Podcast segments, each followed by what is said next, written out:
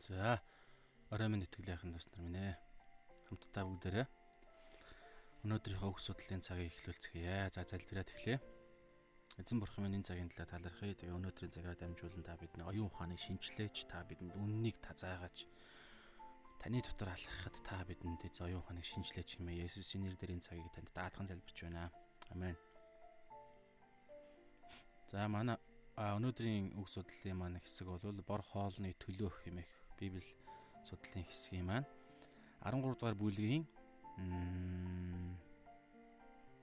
13 Матай 13-ын 24-өөс 42 43 байна уу 2 байна уу? За хараатгая.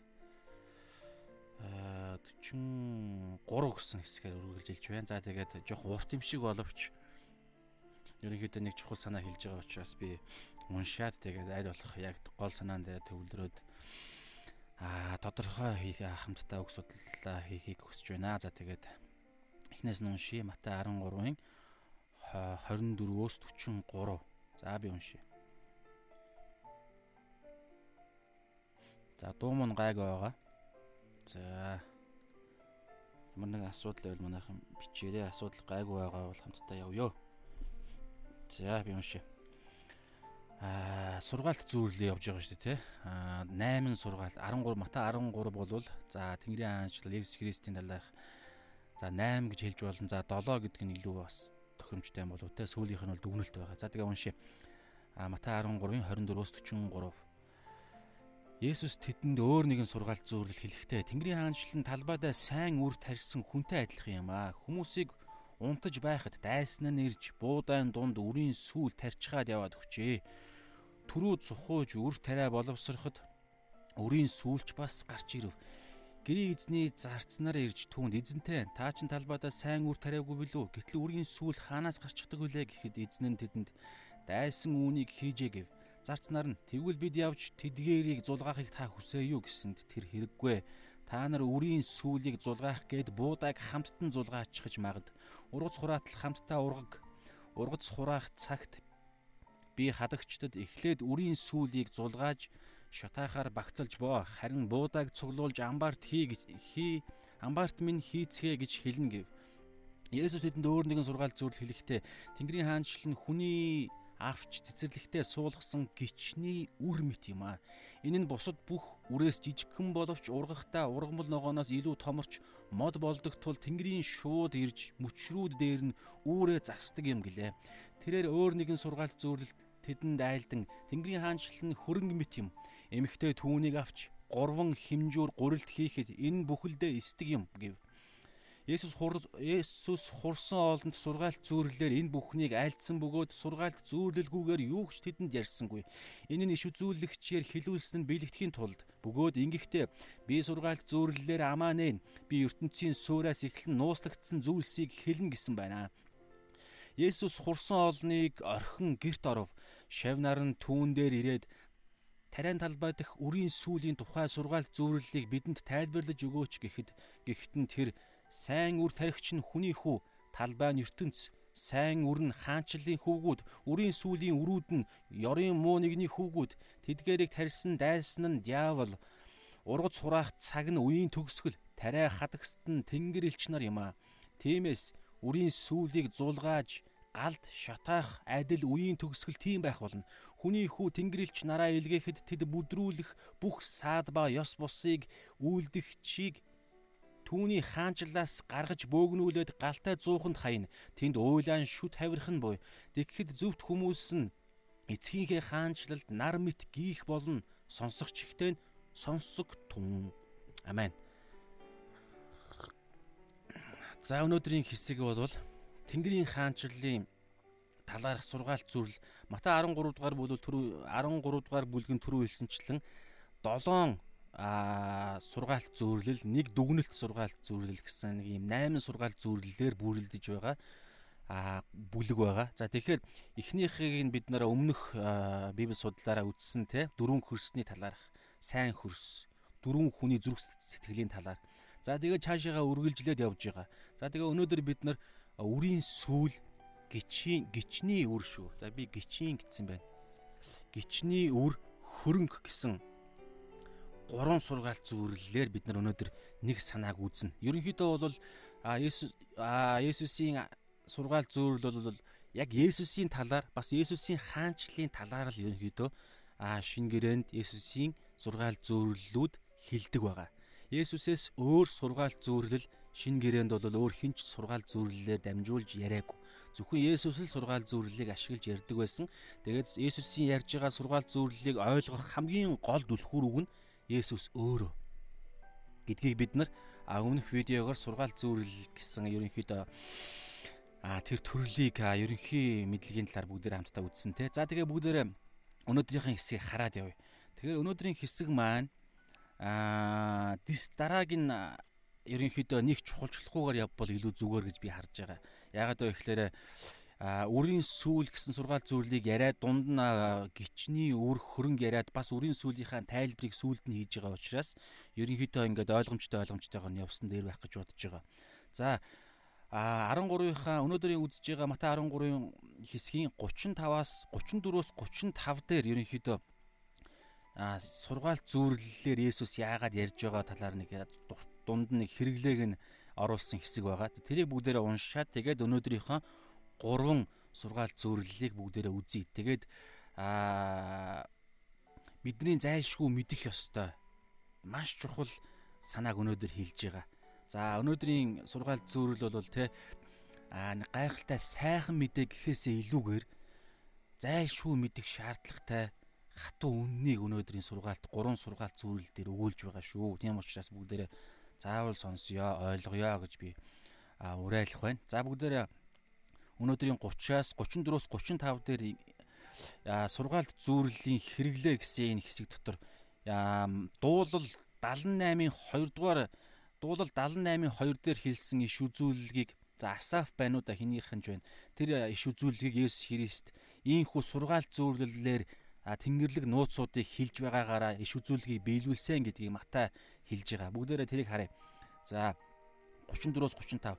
Есүс хурсан олонд түрүү хэлсэнтэй дагалдагч нартай биш хурсан олонд бид нэр өмнөх видеогоор үзсэнтэй яагаад а сургаал зүйрлэл яг энэ 13 дугаар бүлгээс эхлээд ярьж эхлэх болсон шалтгаан нь байгаа. Тэр нь юу вэ гэхээр Матай 11 12 дугаар бүлгүүд дээр Есүс Христ өөрт нь эргэлцсэн хүмүүстэй өөрийг нь эсэргүүцсэн, өөрийг нь гүтгсэн, өөрийнх нь эсрэг болсон тэр хүмүүсүүд гарч ирж эхэлсэн учраас хурсан олон дунд тийм учраас Есүс Христ Тэнгэрлэг нууцуудыг нууцлах шаардлагатай болж байгаа.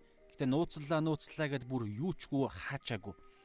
Зүрх сэтгэл нь тэр нөгөө нэг та нарт хүнд байн түүнд ихээр өгдөн гэдэгчлэн итгэх тэр гол энэ сургаал зөвөрлөлийг Тэнгэрлэг нууцуудыг ойлгох гол түлхүүр буюу Есүст итгэх итгэл нь байгаа хүмүүсүүд энэ хүү Тэнгэрлэг нууцуудыг Тэнгэрлэг нууцуудыг сургаал зөвөрлөлөөр илэрхийлж байгаа энэ арга байд зам энэ тэ энэ арга барилд нь нийцээд ойлгох боломжтой. Тэр нь Есүс Христэд итгэж гин үгүй юу? Хэрвээ итгэхгүй хүн байвал тэдгээрээс энэ Тэнгэрийн нууцуд нууцлагдана гэсэн үг. За тэгэхээр тийм зоригтой учраас Есүс тогтоц хийгээд за одоо янз бүрийн хурсан олон дунд янз бүрийн хүмүүс байгаад байгаа учраас сургаалт зөөрлөлөөр нууц нууцуудыг ярьж эхэлж байгаа юм. Тэр нь За бүгдээр уншия. Яагаад сургаал зөвөрлөлөөр ярьж байгаа вэ? За Есүс хурсан олонд сургаал зөвөрлөлөөр энэ бүхнийг айлдсан бөгөөд сургаалт зөвөрлөлгүйгээр юу ч тэдэнд ярьсангүй. түрүүн шалтгааныг хэлсэн те итгэгч биш дайсгнж байгаа хүмүүс хүртэл байсан учраас дунд нь шүүлтүр оруулахын тулд за энэ нь иш үзүүлэгчээр хилүүлснээр биелэгдэхийн тулд бөгөөд дуулал 78:2 гэж байгааз. А дуулал 78:2-д хэлсэнний дагуу юу гэж байгаа вэ гэхээр би сургаалт зүүрлэлээр амаа нээн би ертөнцийн суураас эхлэн нууцлагдсан зүйлсийг хэлнэ сургаалт зүүрлэлээр.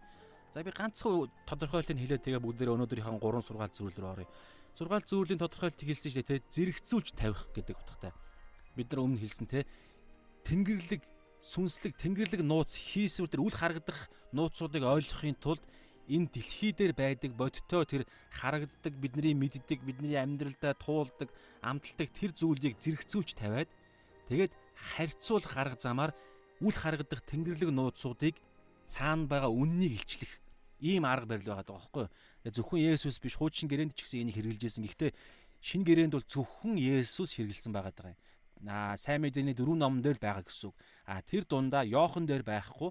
Йохан дээр бол зүгээр адилтхан зүүрлсэн аливаа ямар нэгэн зүйл те би бол амийн мод, би бол хоньны үүд гэдэгчлэн тодорхой нэг объектоор зүүрлсэн арга замаар а Есүсийн илэрхийлсэн санааг Йохан бичсэн бол Матай, Марк, Лук дээр яг сургаалт зүүрлэлээр ярьсан хэсгийг нь оруулсан байгаа.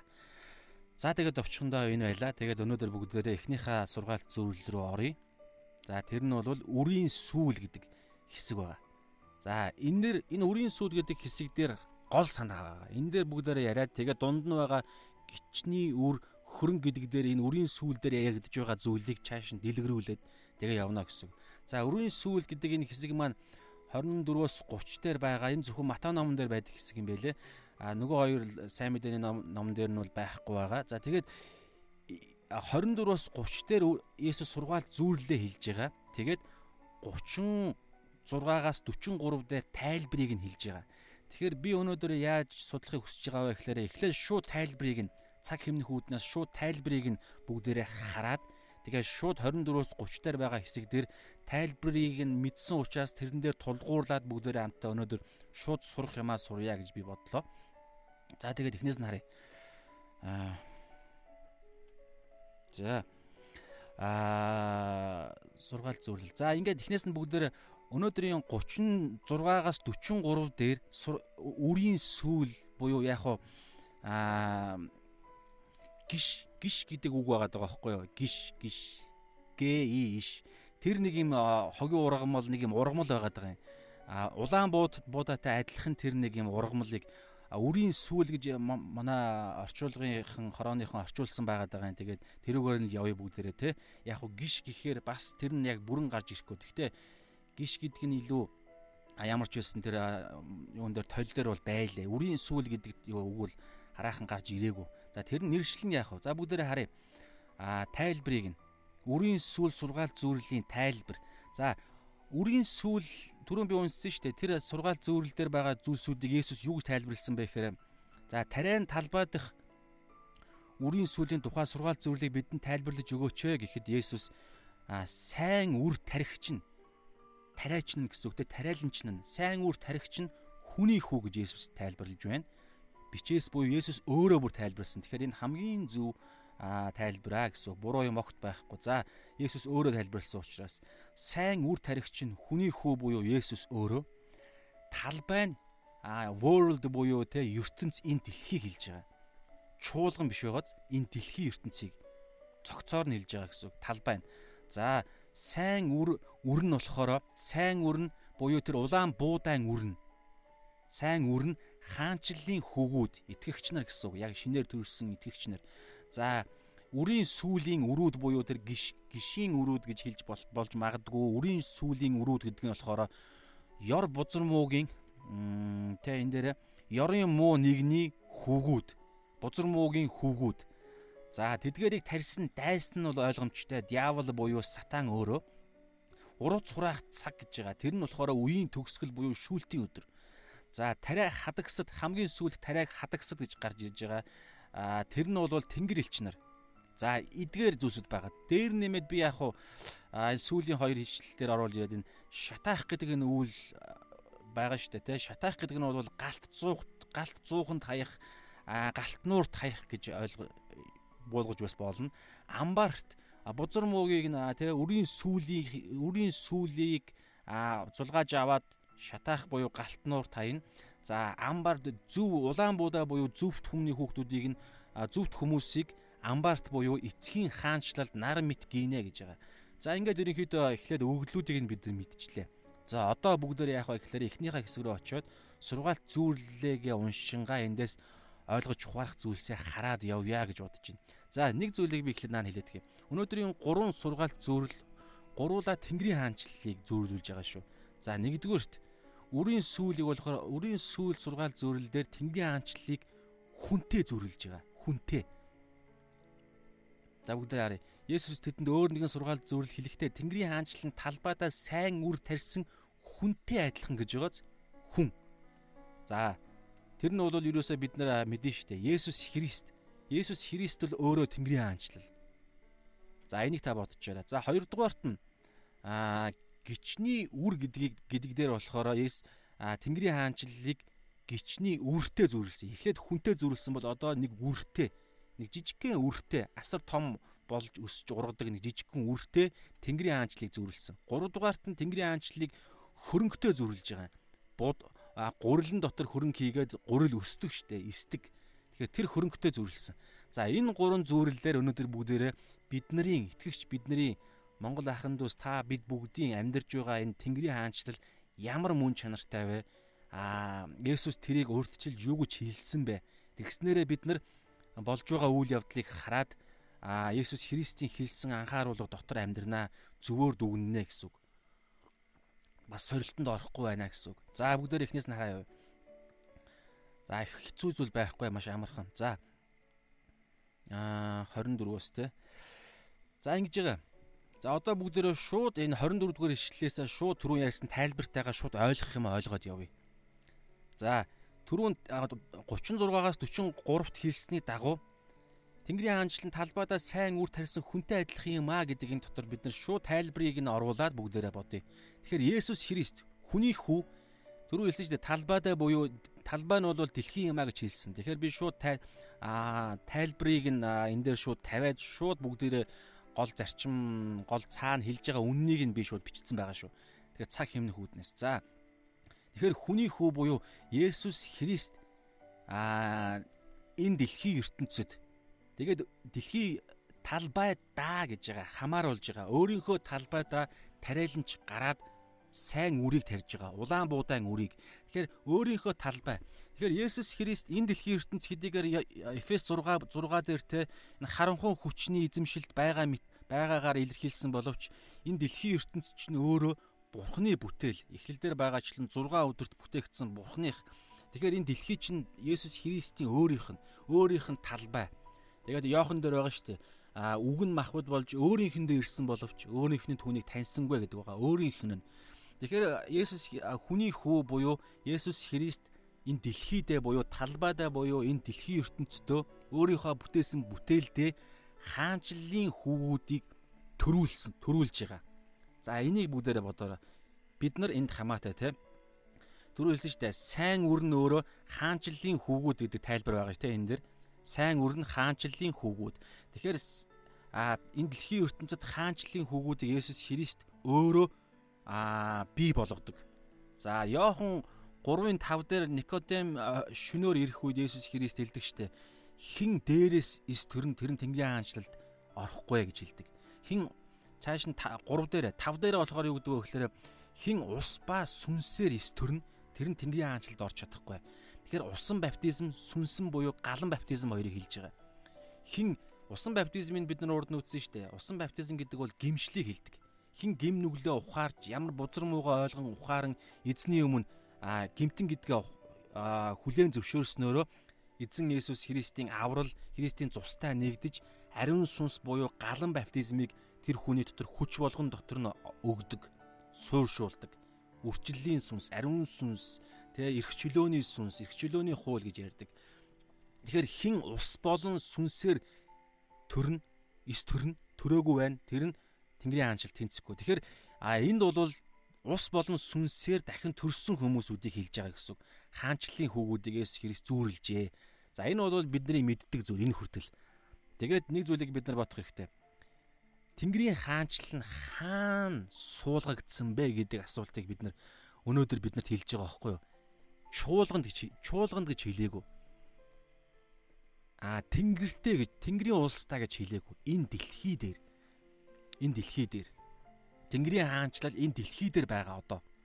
Тийм учраас эндээс дараагийн юм гарах гээд байгаа байхгүй? Дараагийн юм ийм дайралт орж ирээд байгаа юм. За бүгдээрээ 25-ыг За яг энэ дунд нэг бид нар би нэг ишлүүд байгаа. Энэ ишлүүд эднийг нь баталсан энэ тухайн саяны ярьсан зүйлсүүдийг хилдэг ишлэл те. Сая Йохан 3:5 дээр бол хин ус ба сүнснээ ус ба сүнсээр төрсэн хүмүүс нь Тэнгэрийн хаанчлалын хүүгүүд ээ гэдэг зүйлийг Йохан 3:5 дээр Есүс өөрөө хэлдэг. Тэнгэрийн хаанчлал төрөх төрдөг хүмүүс нь усаар буюу гимшлэр сүнсээр буюу Есүс Бурхны тэр авралын тэр гайхалтай хүч чадал бүх зүйл бурхнаар нөгөө нарийн зам гэдэг байгаа.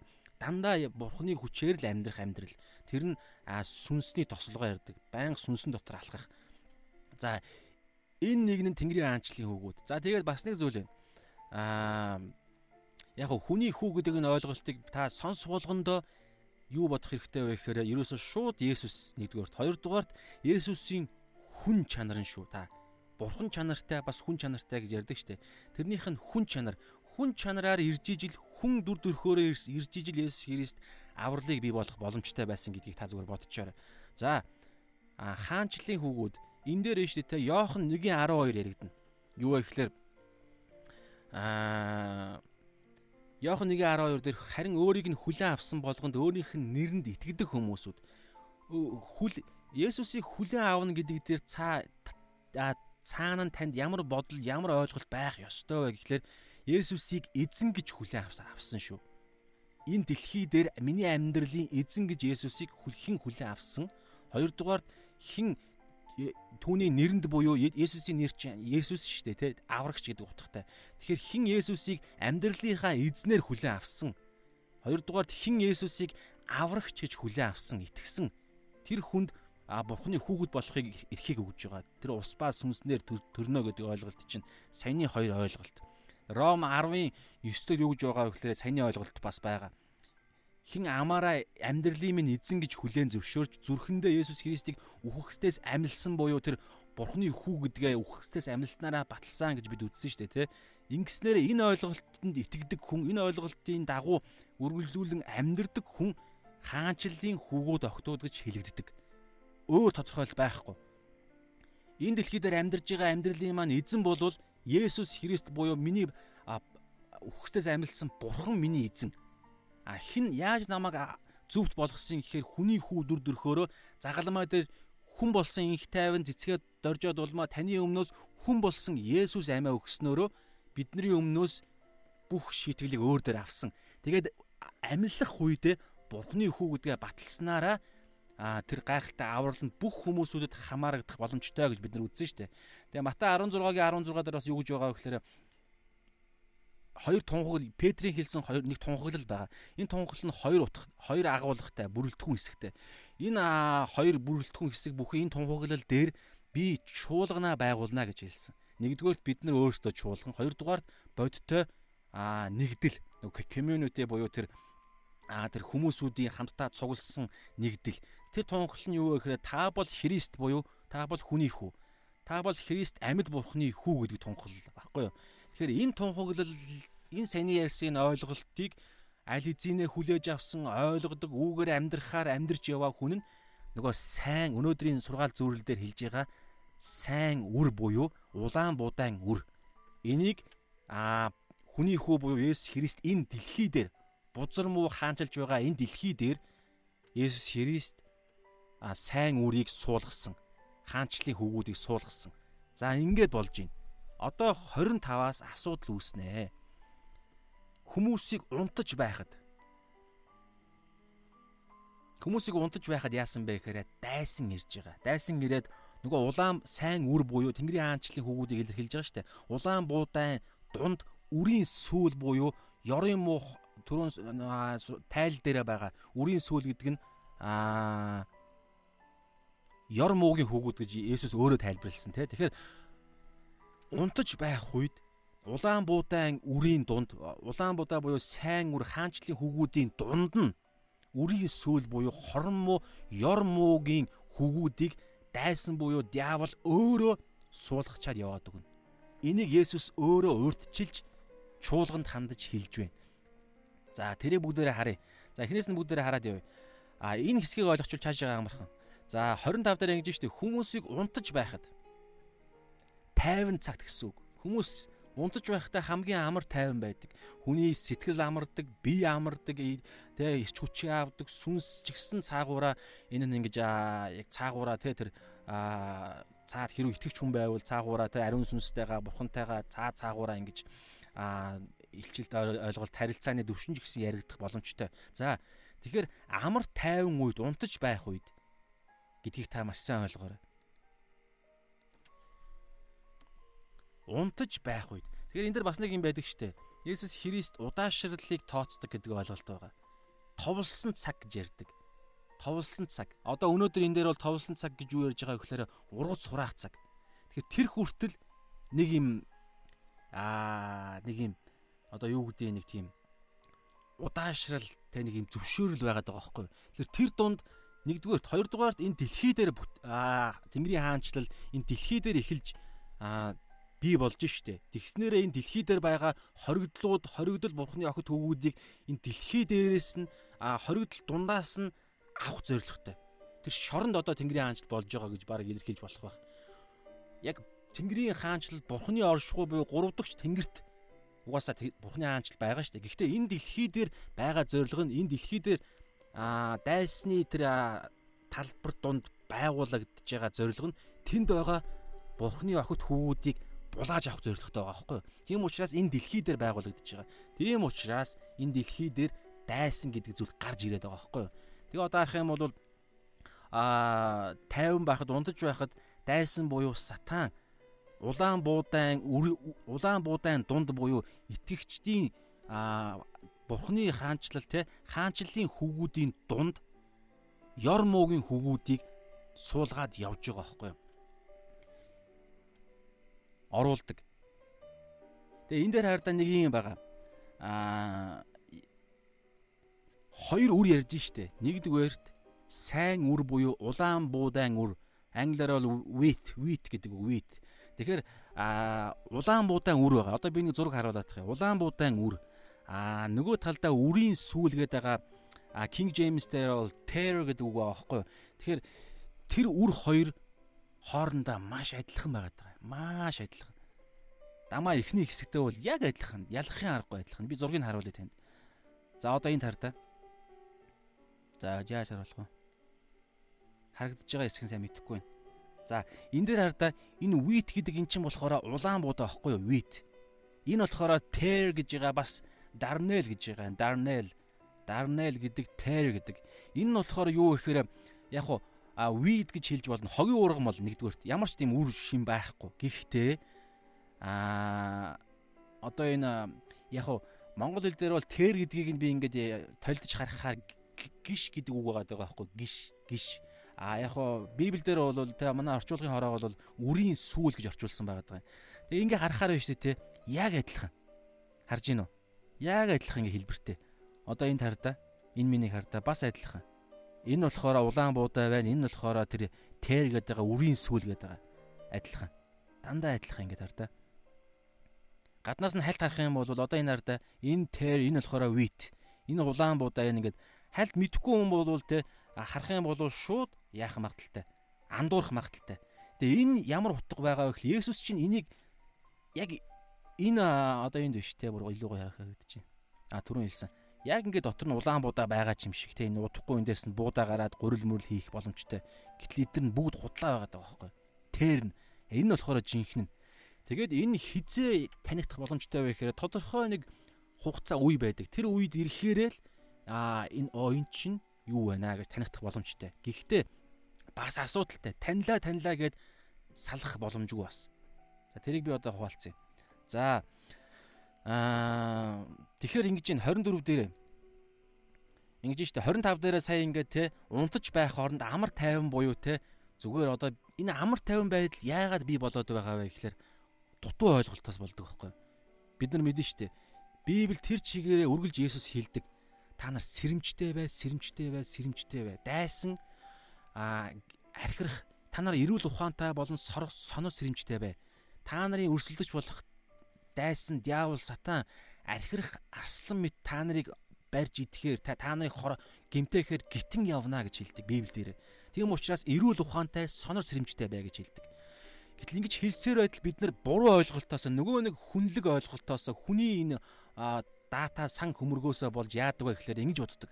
Тэнгэрийн хаанчлал дунд бид орчлоо. Есүс Христэд итгээд бид Бурхны хайртай хөвгүүд огтод болчлоо. Тэгэхээр Бурхан чинь загалмай дээр Есүс Христ загалмай дээр сатаныг ялсан юм чинь. Аа тэгээ бид нар тэр ялагч нэгний талд байгаа юм чинь одоо бид нар амар тайван байж болно гэж боддог.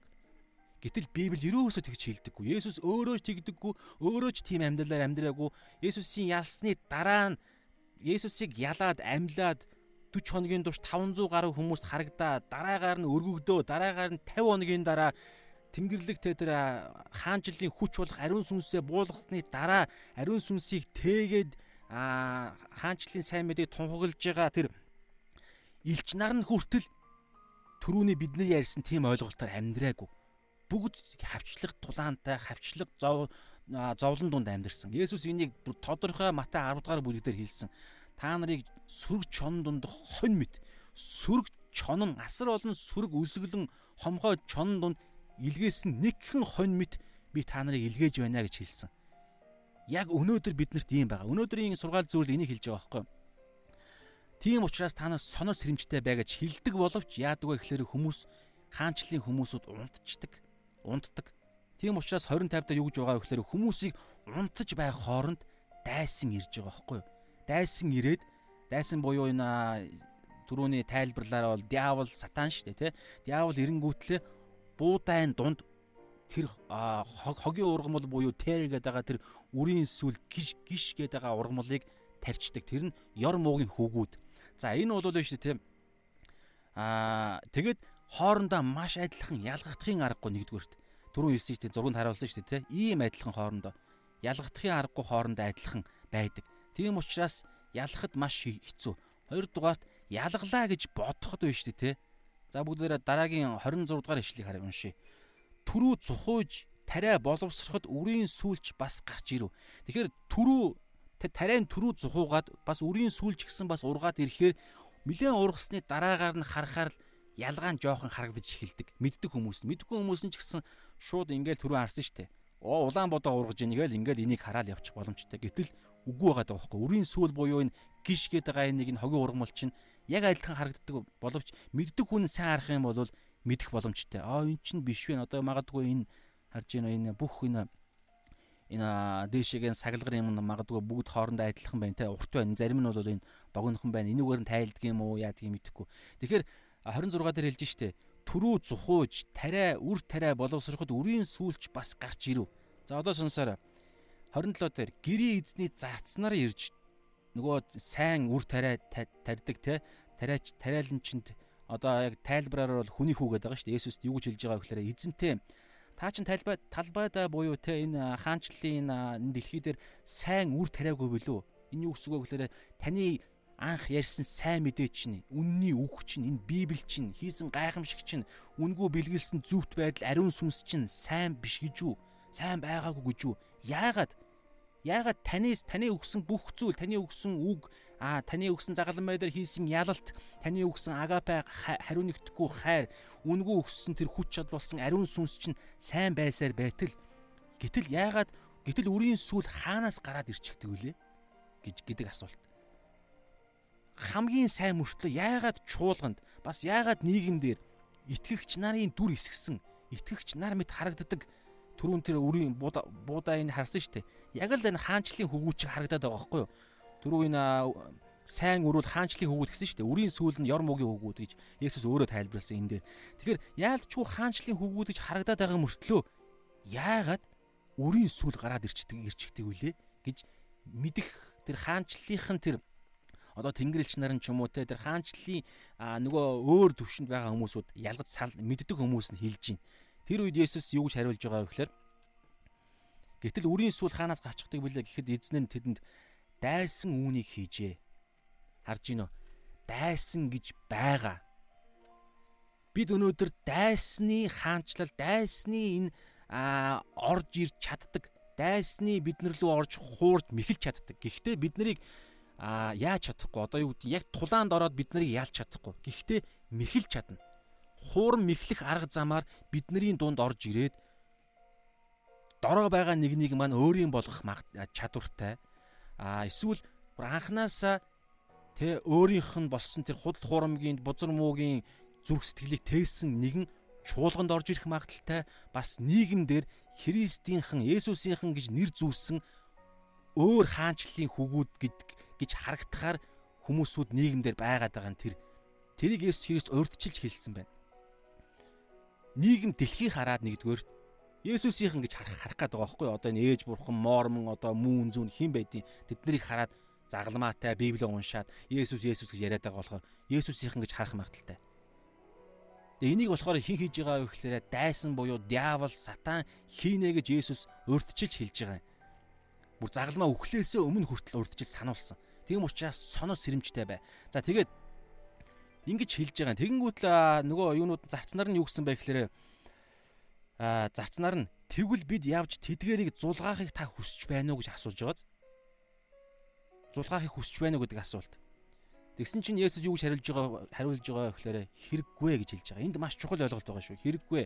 Та нар өрийн сүүл зулгаах гээд буудаг хамттан зулгаачгаж магад ургац хураатал хамтдаа ургаг. Энэ дээр бид нар маш чухал юм ойлгохгүй бол бид нар одоо хүртэл Бурхан аавыгаа нэг хүчгүй юм шиг, шудраг бус юм шиг ойлгох гээд байгаа. Үгүй ээ цаана нь маш чухал нарийн юм байгаа. А 30 дээр ургац сураах хураатал хамтдаа ургаг. Ургац сураах цагт би хадагчдад буюу нөгөө зүүрлэлээрээ болвол те тэнгэр элчнэр гэж байгаа шүү дээ. Тариа хадагчдад нь тэнгэр элчнэр. Тариа хадагчдад эхлээд үрийн сүлийг зулгаагаад шатаахаар багцалж боо. Харин буудааг нь цуглуулад амбарт хий гэж хэлж байна гэж хэлэх болно гэдэг хэсэг явж байна. За энэ дээрээс нь хэд хэдэн чухал зүйлсийг бүгдээрээ ойлгох хэрэгтэй. За 25 дээр түрүүнд гисэн те тайван үед буюу унтаж байх үед энэ тайван байдал ингэж тайван битгий бай, үргэлж сонор сэрэмжтэй бай гэж Есүс шин гэрээн загтлууд байн хэлж байгаа. Есүс өөрийнхөө хүмүүсүүдээр амжуулж үргэлж сэрэмжтэй бай, соргог бай, тасралтгүй залбир, сэрэмжтэй бай гэж хэлдэг. Тасралтгүй эрүүл ухаанаа, оюун ухаанаа эрүүл байлга, сэрэмжтэй байлга гэж хэлдэг. Та нарын дайсан гитээд байна та нарын дунд өөрийнхөө хоньны хайрс нүмерсэн чоннуудыг оруулж ирээд байна гэж хэлж байгаа. Тийм учраас бид нар үргэлж сонор сэрэмжтэй байхгүй бол манаахан гэдэг дунд дайснууд байна. Нэгдүгээрт яг чуулган доторч бай бай орж ирнэ. Хоёрдугаарт нийгэмд манай чуулгантай адилхан загламаатай библиэтэй хүмүүсүүд чуулганд нийгэмдэр угаасаа байгаа шүү дээ. Тэд нарыг Есүс сануулж байна. За тэгээд түрүүн ярьсан хогийн урган бол тэгээ 26-аас 28 дээр яаж байгаа вэ гэхээр түрүү хэлсэн шүү дээ. А 26-аас 28 дээр нөгөө юунууд нь зарцнаар нь те яагаад таны зүгээс бүх юм чинь сайн сайхан байсаар өтөл яагаад ингэ гараад ирчвэ гэсэн чинь а тэр хогийн ургамал буюу хор муугийн ёр муугийн хүмүүсүүд энэ чуулган таны чуулганд нэгдүгээр хоёрдугаар таны бүтээл болох таны тариан талбай буюу энэ дэлхий дээр яагаад чөтгөрүүд хиймэл шүтээ хиймэл гаж буруу урсгалууд гэж хэлж болно те? А хогийн ургамлууд үрийн сүүлүүдийг гаргаад байна гэдэг асуултанд Иесус дайсан гэж хэлсэн шүү дээ. Дайсан тэгсэн. Тэгсэн чинь зарцнаар нь тэгвэл дайснуудыг шууд зулгаагаад авчихуу яах вэ эзэн минь гэж асууж байгаа юм. За энэ дээр бодоор бид нар бас яг ийм зүрх сэтгэлийг тээдэг. Бид нар Есүсээ яалтчгүй энэ гаж урсгалын сүм чуулган байгаад байна Яалтчгүй энэ манай цуглааны тэр ч юм уу та энэ гажим яриад байна. Яагаад байлгаад байгаа юм бэ? Яагаад та шүүхгүй байгаа юм бэ? Яагаад энэ мормон зормон одоо тэр утга бүр одоо харалта. Яагаад одоо юу гэдэм бэ? Бүр энэ мусульман тэ лалын ертөнц мөртөнц ингээл шудар бус юм яагаад байгаад байгаа юм бэ? Яагаад та одоо бүр бидний хүсэл бол тэр шүү дээ. Яг одоо та яагаад шийдэхгүй байгаа юм? Одоо энэ дээр заснаар хэлж штэ. Яагаад бид бид нар тэгвэл очиод те үрийн сүлийг зулгааж аваад хайчихуу гэж асуухад Есүс үгүй гэж. Шалтгааныг нь одоо бүгдээр харъя. Шалтгаан нь маш чухал байгаад байгаа. За цаг хугацаа ялгааг цаг түрүү хэлсэн дээ. Эхэндээ бол мэдэгддэггүй. Үрийн сүүл буюу тэр улаан буудаа үр хоёр тэр ter wheat ter хоёр нь хоорондоо ялгагддаггүй. Харах юм бол хоёулаа адилхан. Тэгэхээр цаг хугацааны аясаар ялгаа нь харагддаг. Тэгэхээр цаг хугацаа гэдэг чухал зүйл ойлголт байгаа. Тэр цаг хугацааг эзэн зөвшөөрж байгаа байхгүй юу? Тэр цаг хугацааг яагаад зөвшөөрж байгаа нэг шалтгаан байгаа. Шудраг бус Тэгэхээр энэ цаг хугацаа ингээд зөвшөөрөөд байхаар биднэрт түрүүний зас нарын асуусан асуулт гарч ирнэ шүү дээ. Шудраг бусыг яагаад байлгаад байгаа юм бэ? Бид нэр очиод зулгаач хуу биднэрт мэдлэг байна. Библийн мэдлэг байна. Яалтчгүй Библийн мэдлэгийг харахаар энэ хүн гаж гэдэг нь мэдрэгдэж чинь шууд энэ хүнийг шууд тунгаглаад цуглаанаас шууд хөөчихгүй. Шууд тэ одоо юу гэдэг энэ байшингийн шатаагаа ичихгүй ч гэдэг юм уу те. А Христ сэтгэлийн түүхэнд католикчууд яг ийм хийсэн баггүй. Тэгэхээр тийм юм гарч ирнэ. Тэр үед Есүс юу гэж байгаа вэ гэхээр аа ургаг гэж хэлдэг. Хамтдаа ургаг. Нэг товлсон хамгийн төгс нэг цаг байгаа. Тэр цаг хүртэл хамтдаа ургаг гэж хэлдэг. Яагаад вэ гэхлээр энд нэг чухал ойлголт байгаа. Гэрийн эзний зарц хийж байгаа ингээд ингээд хэлэх үед а дайсан хийж байгаа гэсэн те хэрэггүй та нар үрийн одоо сонсороо 29 дээр 13 29 дээр шалтгаан байгаа Хэрэггүй та нар үрийн сүлийг зулгаах гээд буудаг хамттан зулгаачихж магадгүй гэж байгаа. Энэ дээр нэг чухал ойлголт байгаа. Яг энэ сургаал зүйрлэл чинь түрүү хэлсэн шүү дээ. Харагдахгүй зүйлсийг нүдэнд дүүд хал харагдах зүйлсийг ойлгохын тулд цаана байгаа үннийг нь ойлгохын тулд бидний амьдрал дээр байдаг бодиттой зүйлсүүдийг зэрэгцүүлж тавиад харьцуулснараа үл харагдах хийсвэрлэг тэнгэрлэг зүйлсийн цаана байгаа үннийг нь ойлгох зорилготой. Тэгэхээр тэр бодиттой зүйл нь юу вэ гэхээр түрүү хэлсэн те Одоо энэ дээр бол үрийн сүүл гэдэг те англи хэл дээр бол tear, darnel гэдэг байгаа, tear гэдэг байгаа энэ ургамал аахгүй хогийн ургамал. А тэр нь wheat гэдэг байгаа тэр улаан буудаа ургалт улаан буудаатай харьцуулж байгаа. Тэгэхээр энэ дээр бас нэг мэдээлэл байгаа. Энэ wheat нь болохоор улаан буудаа буюу хаанчлалын хөвгүүд гэж Есүс өөрөө тайлбарласан. Энэ tear гэдэг нь болохоор а үрийн сүүл буюу гиш гэж орчуулж болж байгаа ёр муугийн хөвгүүд. Тэгэхээр энэ дээр нэг чухал байгаа хэдийгээр ялгсан ч гэсэн яагаад зулгаахгүй байгаад байгаа вэ гэхээр бас нэг баримт байна. Түрүүн бодиттой зүйл нь юу вэ гэхээр энэ дээр хар та үндс нь үрийн сүүл улаан буудаан үр тэр дарнайл тэр гэдэг тэр ургамал хогийн ургамал яг улаан буудаатай харагддаг. Тэгээд зэрэг ургадаг талбай дээрээ. Тэгээд зэрэг ургахтаа үндс нь биш тэгээд хоорондоо ингэж орооцолддог. Орооцолдож ургадаг. Үндс нь бүр ингээ орооцолддог. Тэгсэн мөртлөө хуйлаа ургаа ургах чадвартай. Хуйлаа ургаж идэг. Тэгээд тэгж ургахтаа яадаг вэ гэхээр улаан буудаа өрнж гисэн цаашаага тэр улаан буудаага улаан буудааг ургуулах боломжтой. Тэгтээ хогийн хогийн тэр ургамал гэдэг байгаа тэр тайр гэдэг байгаа ургамал нь бас зэрэг ургадаг.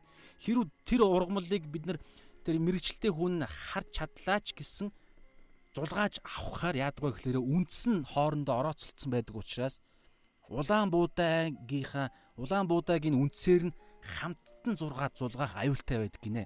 Тэр нөгөө нэг ургамал судлаачдын тэр тайлбар байгаа байхгүй юу? Тийм учраас яадаг вэ гэхээр ургац хураах цаг хүртэл ургахыг нь зөвшөөрдөг. Энэ дээр бид нар нэг зүйлийг ойлгох хэрэгтэй.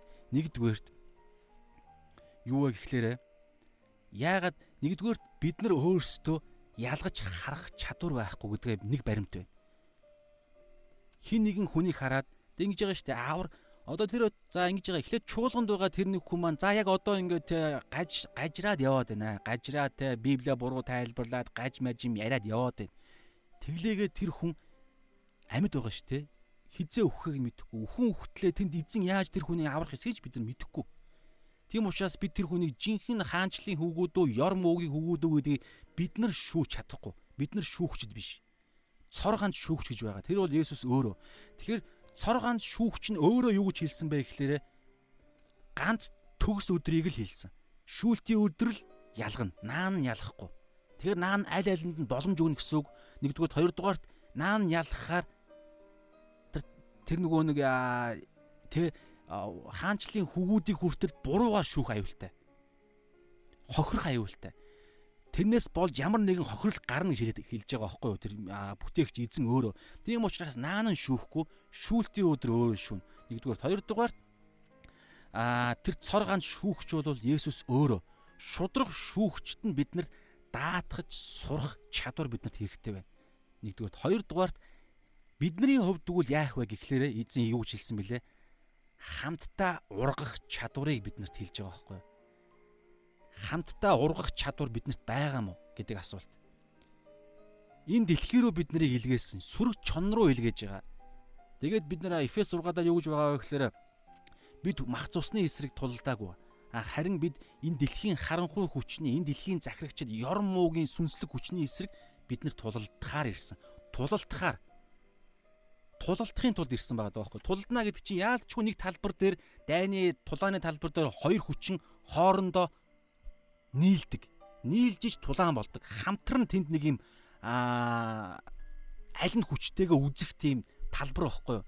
Тэгэхээр хамт ургах гэдэг чинь ерөөсөө тэр тэр нэг юм цаг хугацааны аясаар ялгаа харагддаг гэдэг нь шүү дээ. Тэгэхээр тэр цаг хугацааны туршид бид яах вэ гэхээр бид нарт тийм хүч нь байгаа учраас энэ тал дээр а тэр тариалан чин тариач нь айхгүй байгаа байхгүй хамт ургаж ийсэн ч гэсэн улаан буудаа үр шимээ улаан буудаага өгөөжөө өгөх чадвар нь байгаа гэдгийг мэдж байгаа учраас хамт ургуулдаг. Эфес 6-гийн а 10-ыг бүгдээр хараа. Энэ дээр нэг маш чухал ойлголт байгаа. Эфес 6-гийн 10-аас 13 дээр бол байгаа. Одоо энэ та саяны энэ хам сэдв дотор та энийг уншаарай. Тэгвэл маш сайн ойлгогдно. За бурхны өвч бүрэн зэвсэг тэлсэн. Яагаад бурхны өвч өвч бүрэн зэвсэг яригадаад байгаа гэхээр бид нар энэ дэлхий дээр Тэнгэрийн хаанчлалыг бид нар бий болгож байгаа шүү дээ. Тэгэхээр нөгөө нэг холилдсон ёр муугийн хөвгүүдийн дунд бид нар орж байгаа учраас энэ яригдж байгаа. Тэгэхээр эцэст нь эзэн ба түүний хүч чадлын авгаа хүч дотор байгтун гэж байгааз. Тэгэхээр энэ эзэн гэдэг чинь нөгөө нэг хаанчлалын хүүгүүд ингэсэн шүү дээ. Тэнгэрийн хаанчл бол талбайдаа сайн үр тарихч хүнтэй адилхан гэсэн шүү дээ. Есүс. Тэгэхээр тэр чинь бол эзэн. Тэгэхээр эзэн дотор байх гэсэн ойлголт. За эзэн ба түүний түүний чадлын аваа хүч дотор байхтон та нар диаволын залмихны эсрэг зогсож чадахын тулд бурхны өвч зэвсгийг ав.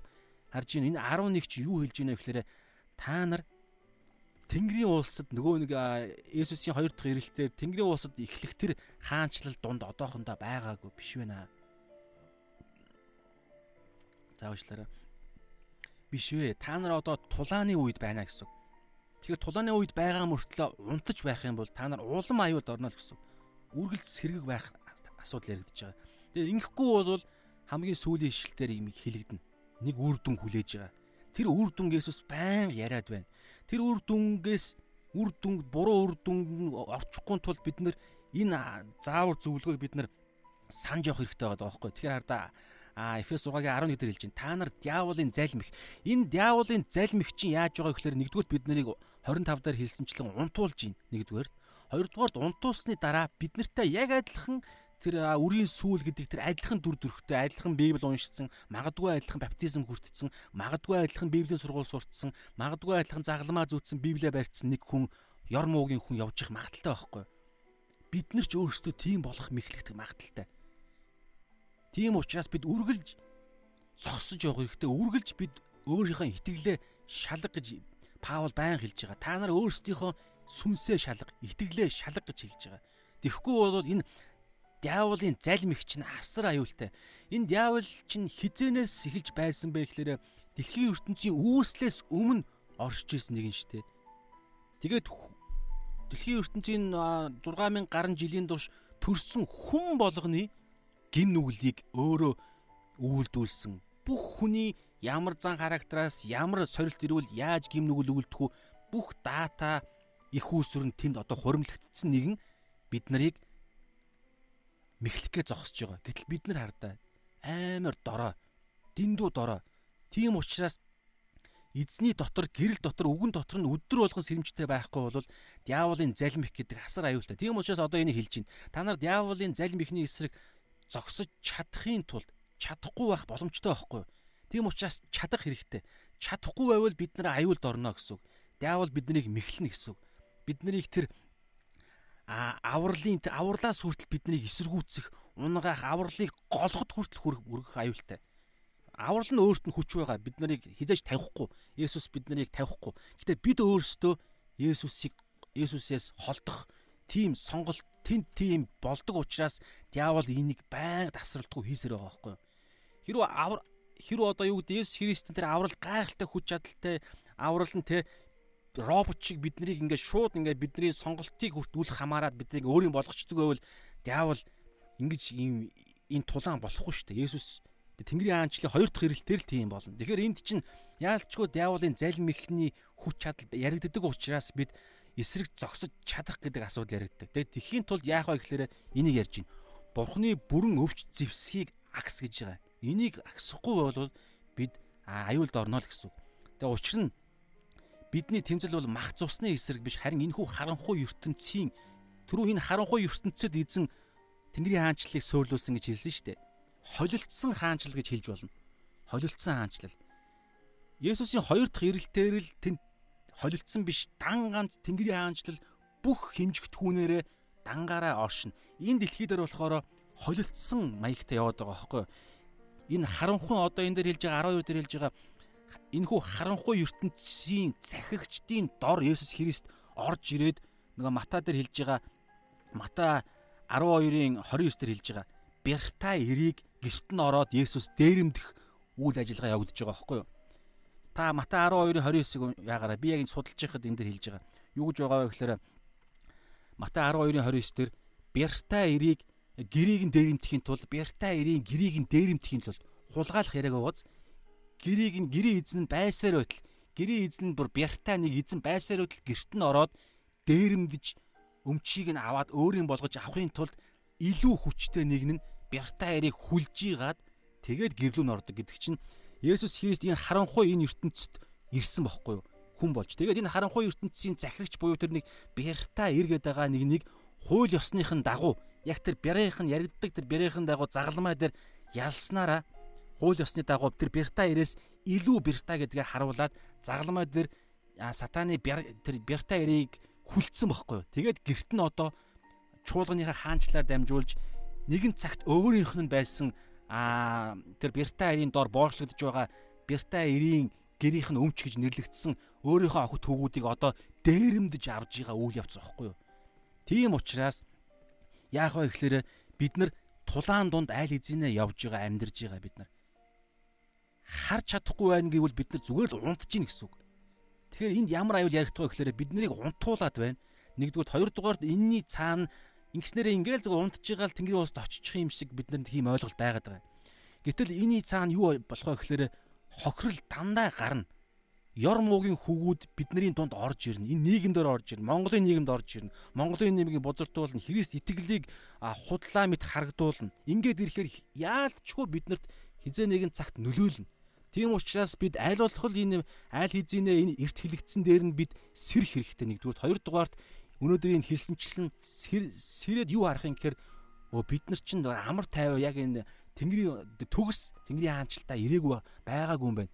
Бид тийшээгээ чиглэж яваа юм байна. Бид сүнсээрээ тэнд хараалагдсан боловч мах бодмоо энэ энэ харанхуй Эфес 6-гийн 12 дээр байгаа энэ харанхуй бузар муугийн хаанчлал донд мах бодмон байгаа юм байна. 5 метр хүмүн тэднээс хамааралтай байгаа юм байна.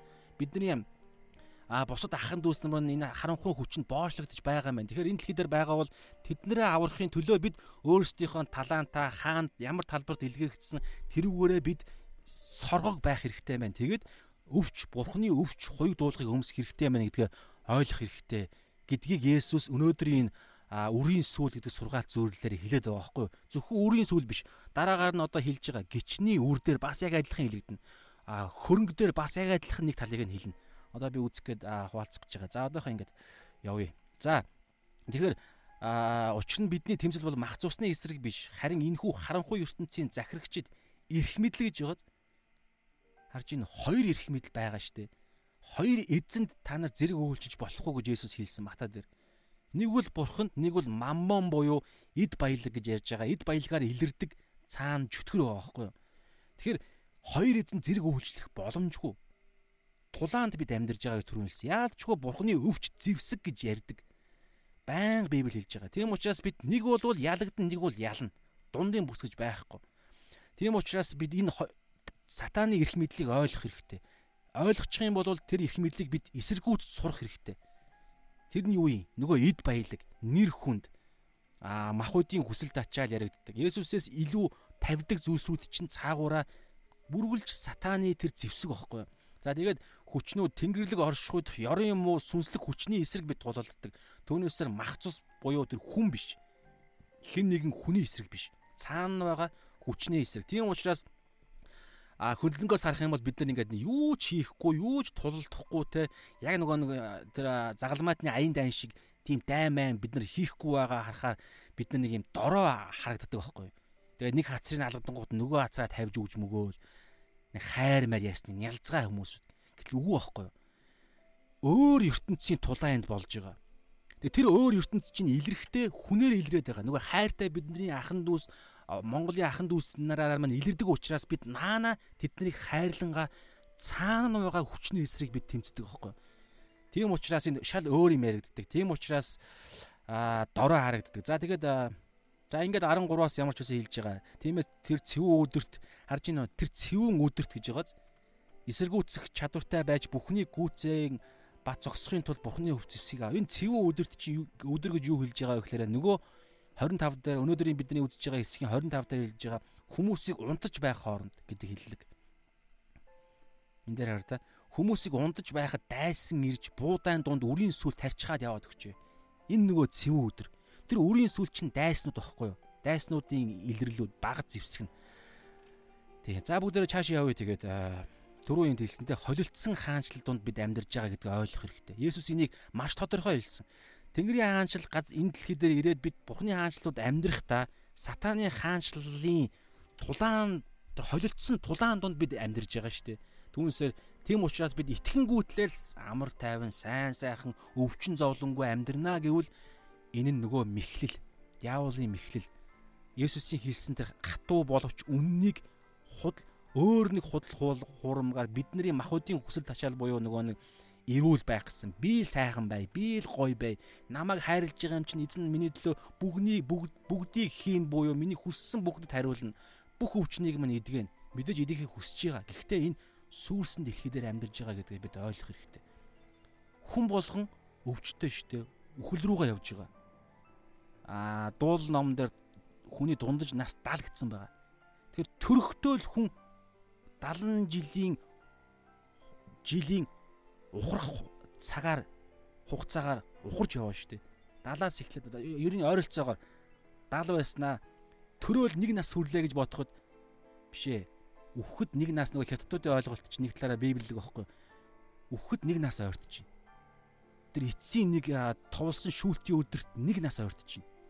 2 нас, 3 нас ойрт чинь. Би 3 насаар хөгшөрчлөө гэж ярина. Эн чинь Библийн нөгөө нэг ойлголтохгүй. Гим нүгэл үл битгий эд эд гэсэн модны жимснээс эдсэн тэр дороо та нар үхэн гэж хэлсэн чинь яг үхсэн бохгүй юу? Сүнс нь бухнаас холдох буюу үхсэн, сэтгэл бас бузар муугаар дүүрч үхсэн, мах бод ч гэсэн уг нь үхэхээргүй ами мод байсан боловч ами мод биш сайн мууг нь сонгоснороо үхдэг болсон. Хамгийн уртнаас нь Метусела гэдэг Ноагийн өвгийн үг үг цэглүү те тэр нь 969 наслсан. Харж байна 969-оос эхлээд уруудаж эхэлсэн байхгүй тэр модны жимсэнс Адам бол 930 наслсан байгаа даа. Адам тэр модны жимснээс эдэнгүүтэл 930 929 гээд ухарж эхэлсэн байхгүй. Нөгөө үхэл чинь нөгөө махбодын өвчин чинь тэр хүн болгоо өвчтэй. Тэгэхээр ийм дэлхий дээр бид амьдрахдаа ирээдүйн тэр нэг юм гайхалтай жинхэнэ амьдралаа эхлэхдээ хаана эхлэх вэ? Тэр ухарж яваа хугацаанаас наан намжиж бусад ахан дүүстэй тэр гайхалтай авралыг ойлгуулад тэгээд жинхэнэ амьдрал чинь жинхэнэ цаашаага мянга биш, мянган мянган жил биш. Мөнхийн мөнхөд жинхэнэ нуган тэр эдэн цэцэрлэгийн тэр гайхалтай амлалт чинь бодтойгоор тэнд болно. Тэгэхээр энэ энэ мэдчлэн үннүүдийг бид ойлгохгүй бол зүгээр энэ дэлхий дээр амар тайван, сайн сайхан энэ дэлхий дээр л бид нарыг сайхан амьдруулах гээд байгаа гэж ойлгосон чинь цуглаанд нь явж ирсэн чинь шал худлаа байдаг. Юу нөгөө яг л адилхан зовлон хавчлах нь ороод ирдэг. Тэгэнгүүт худлаа юм байна гэж ойлгодог. Үгүй ээ. Үнэн. Тэрийг Есүс байн хэлж байна. Өнөөдрийн ишлэлээр хэлж штэ 13 энэ үрийн сүүл зургаал зүрэл дээр үгүй. Энэ Тэнгэрийн хаанл чинь Тэнгэрийн хаанл чинь энэ газар дээр буюу энэ түрүү хэлсэн штэ энд талбай талбай чинь дэлхийн ертөнцтэй зөөрлүүлсэн штэ. Тэгэхээр энэ дэлхийн ертөнцээр суурилсан Тэнгэрийн хаанчлал. Тэгэхээр Тэнгэрт биш энэ дэлхий дээр. Тэгээд цаг нь болохоор Тэнгэрт очино. Харин энэ дэлхий дээр байгаа учраас яалтчгүй дайсан яригдж байгаа, яалтчгүй хогийн ургамал яригдж байгаа, яалтчгүй тулаан яригдж байгаа. Тийм учраас бид энийг хэлээд ойлгуул анханасаа ойлгуулах юм бол хүмүүс тэр зүйл нь тулрах үед аа худлаа юм гэж дүгнэлт худлаа юм байна гэсэн дүгнэлт хийхгүй. А нөгөө хэлээд байсан аюул нь ирлээ. Тэгэхээр энэ хэлжсэн Библиэл дээр нь юу гэж хэлсэн байгаа вэ гэж цаашаага бид зүв багж хаяагаад явнаа гэсэн санаа. За цаашаага явъя бүгдээрээ. Тэгэхээр ялгаатай энэ дээр ярьж байгаагаар да хамтдаа ургах чадвар гэдэг нь ярьдаг байхгүй хамт ургах чадвар биднэрт байдаг. Аа ёр муугийн хөвгүүд буюу Есүс Христийн тэ цусаар гим нүглээ цагаатгуулж Есүс Христийн сүнсээр Бурхны хүүхдүүд болж үрчлэлийн сүнсийг авч Бурхны хаанчлалд орсон биднээс бусад өөр ямар ч хүмүүс бузар муу бузар муугийн хүчин дор байхдаа бузар муугийн л харьяалалд байна. Бузар муугийн л утсан хүүхэлтэй болно. Өөр ямар ч сонголт байхгүй. Хоёр л хүч байгаа. Харин Бурхны хаанчлалын хүмүүсүүд бузар муугийн дор байхдаа бузар муугийн харьяалал нөлөөнд дор байхгүйгээр одоо нөгөө хамт ургах чадвар чинь нөхгүй хамтдаа ургаж байгаа юм шиг хамтдаа ингэж явж байгаа энэ дэлхий дээр хараалагддаг мөртлөө давс гэрэл давс болж хүчээ гаргаж нөгөө нэг те а тэр Матай 12-ын 29 дээр хэлсэнчлэн энэ газар дэлхий дээр байхдаа бусад ахын дүүсээ булааж авах, дээрэмдэж авах. Энэ энэ ертөнцөөс ахын дүүсээ дээрэмдэн булаан авах зоригтой бид энд ураг хамт ургах чадвар яригддаг. Тийм учраас хамт ургахын тулд Эфес 6-гийн түрүүн 10-аас 13 дээр хэлсэнчлэн хоёуг дуулга өмссөн цагт шүү дээ.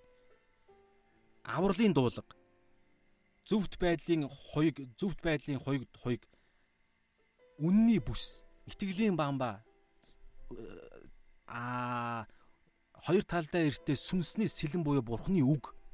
Нэг гутландаа амар тайвны нөгөө гутлаа сайн мэдээний гутал. Тэгээ энэ бүх зүйлд чинь дандаа энэ цогцоороо хамт яваад цагт бид хамт ургаж чадна. Тэгээд зорилго нь энэ харанхуйн хүчний энэ ноёрхлоос бид Бурхны ахан дүүсээ дээрэмдэж аавна. Хүчээр хулгайлж биш. Айхгүй. Тэр энэ энэ хаанчлалын энэ гэрийн бярта эрээг нь Есүс загламаа дээр хүлцсэн байхгүй юу? А Матай 12:29 хэлсний дагуу. Тийм учраас бид гэрийн эзнийг нь хүлэгдсэн учраас одоо бид зүгээр ороод а тэр Матай 28 дээр 28-19-с 20 дээр хэлж байгаа шүү дээ. Тэнгэр газар дээрх бүх эрх мэдлийг надад өгсөн. Тийм учраас та нар яв гэж байгаа шүү дээ. Аа дагалдагчдыг бэлтэг. Ямар дагалдагчдыг? Нөгөө хоёр дуулгаа өмссөн дээрэмддэг дагалдагч таахгүй. Ёр муугийн хаанчлал руу орж ахан дүүсээ дээрэмдэж авдаг. Бүр хүчээ нөгөө Чингисийн Чингисийнх шиг тайдаг бүр газар нутгаа эзэлж дээрэмдэж авдаг тэр бүр хүчээ харуулan байж чөтгөрийн эсрэг аль эзэний ялцсан учраас тийм учраас хамт ургах юм ярьдаг. Түүнээсээ дурстаа нэг юм амар тайван ингээл сайхан ургаад их юм ярихгүй байгаа байхгүй Библи. Тэгээ өнөөдрийн хахтар энийг ярьж байгаа. Тэр үрийн сүйл байгаа учраас бид хамт ургах чадвар хэрэгтэй. Нэгдүгээр хоёрдугаар бид шүүх ёсгүй. Түрүүн хэлсэн. Шүүх цор ганц шүүгч болох Есүс нь нэг л өдрийг хэлсэн. Шүүлтийн өдөр буюу ургац хураах үед л үрийн сүйл Улаанбуудаа хоёрыг эзэн өөрөө шүүн. Бид нар шүүхгүй. Тийм учраас шүүх талдаа та бодоод чирэггүй цагаа өрөөд чирэггүй. Гэхдээ ялгаж салах ухаанаар би тэднийг таньж мэднэ штэ. Таньж мэднэ.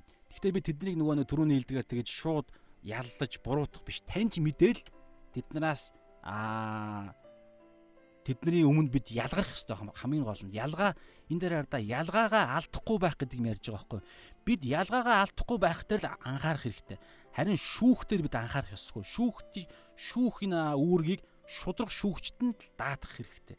Яг энэ дээр тэгээд нөгөө зулгааж авах гэсэн чинь түр хэлсэн шүү дээ. Эзэн би тэгвэл очиод энэ үрийн сүлийг зулгаагаад авчих гэсэн чинь хэрэггүй.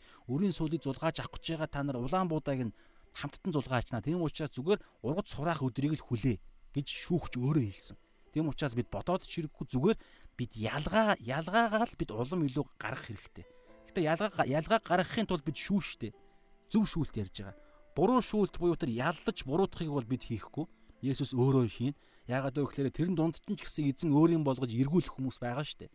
Тийм учраас бид зүгээр ялгаагаа л гаргаад байх хэрэгтэй. Тэгээд хамт буюу тэр тулааны амьдралаараа үргэлжлүүлэн амьдрах хэрэгтэй гэсэн санаа. Цагаас нь өмнө шүүхгүй байх гэдэг Есүс өөрөө шүүн. Одоо буруу шүүж алдах магадлал байгаа учраас Есүс тэр цагийг товлсон. За тулалдахыг түр хэлсэн те. За тэгээ бүгдээрээ одоо яри. Одоо болохоор дараагийн 2 дахь сургаалт зүйрлэл. Энэ дээр одоо энэ 2 дахь 3 дахь хоёр жижигхэн байгаа. Энэ дээр яг саяны ярьсан санааг дэмжиж нэмж өгнө. За бүгдээрээ харъя. Би яг энэ судал ойлгож ухаарсан, бясалгасан, судалсан, олж мэдсэн юм дээр ерөөхдөө ярьж байгаа шүү гэж бас хэлье. За гичийн үр дээр хардаа нэг юм байгаа. За би уншия юу гэсэн хоёр ишлэн. А 13 дугаар 13 дугаар бүлгийн 7 сургаалт зүйлээ одоо эн чинь түрүүн би эхлээ үрийн урд нь би дөрвөн хөрсийг ярьсан. Одоо сая би үрийн сүүлийг ярьчлаа. Тэнгэрийн хаанчлалын талаарх сургаал зөвлөлүүдийн. Одоо гурав дахь нь буюу гичийн үр, гичний үр гинөө гичийн үр. За.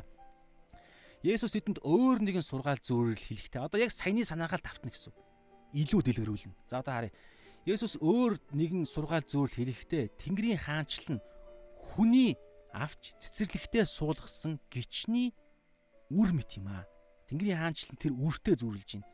Энэ нь бусад бүх үрээс жижигхэн боловч ургахтаа ургамал ногооноос илүү томроод мод болдог тул Тэнгэрийн шууд ирээд мөчрүүд дээр нь үүрээ застдаг юм аа.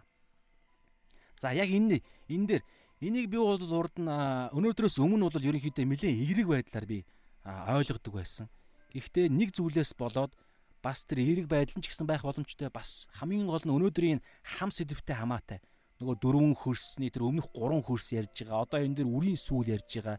Тэгээ одоо тэрнтэй адилхан энд бас нэг чухал ойлголт байгаа байхгүй. Тэрийг би өнөөдөр анх удаа олж мэдлээ. Тэгээд тэгэхэд яг хоорондоо холбогдож ирсэн. За бүгдээрээ харъя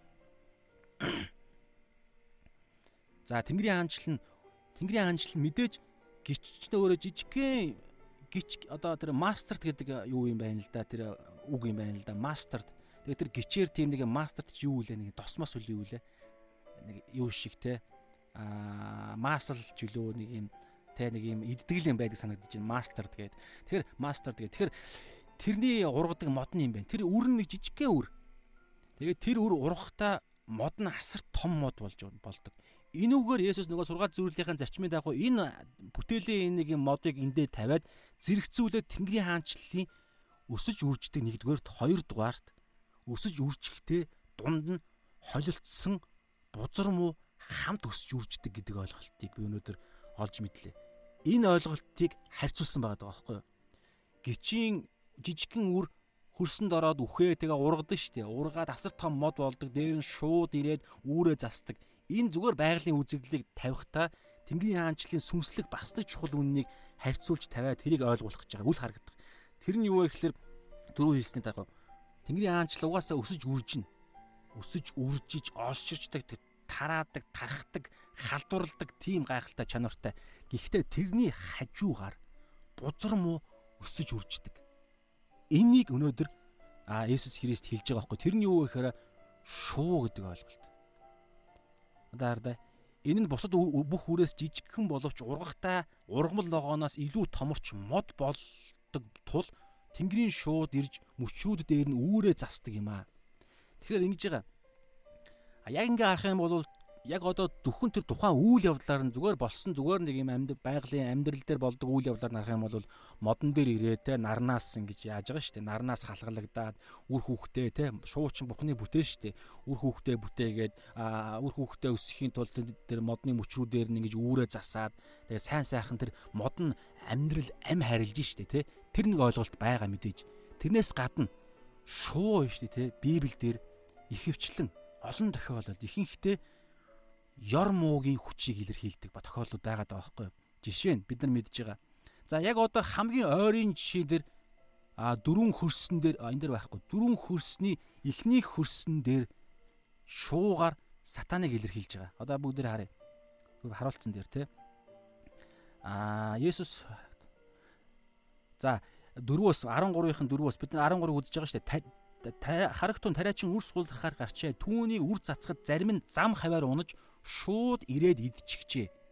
Шууд ирээд тэр үрийг идчихэж байгаа байхгүй. Энэ шуудыг Есүс дараагаар нь тайлбарлахдаа аа за тайлбар ойлгуул эн чинь болохоор сургаал зүйлийн тайлбар те.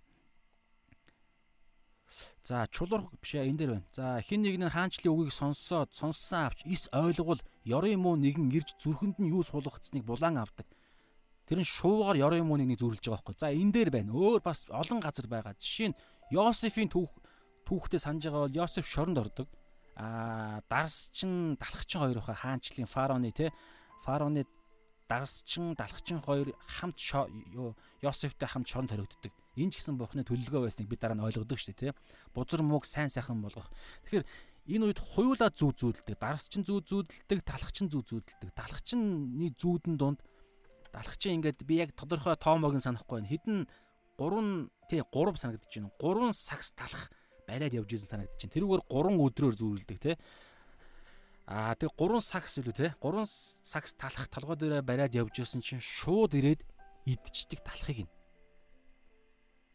Тэгээд энэ зүүдийг Йосефор дамжуулж бурхан тэр хүнд ойлгуулахдаа юу гэдэг вэ гэхээр 3 өдрийн дараа а фараончны таны амиач нь авах юм байна гэж тайлбарладаг.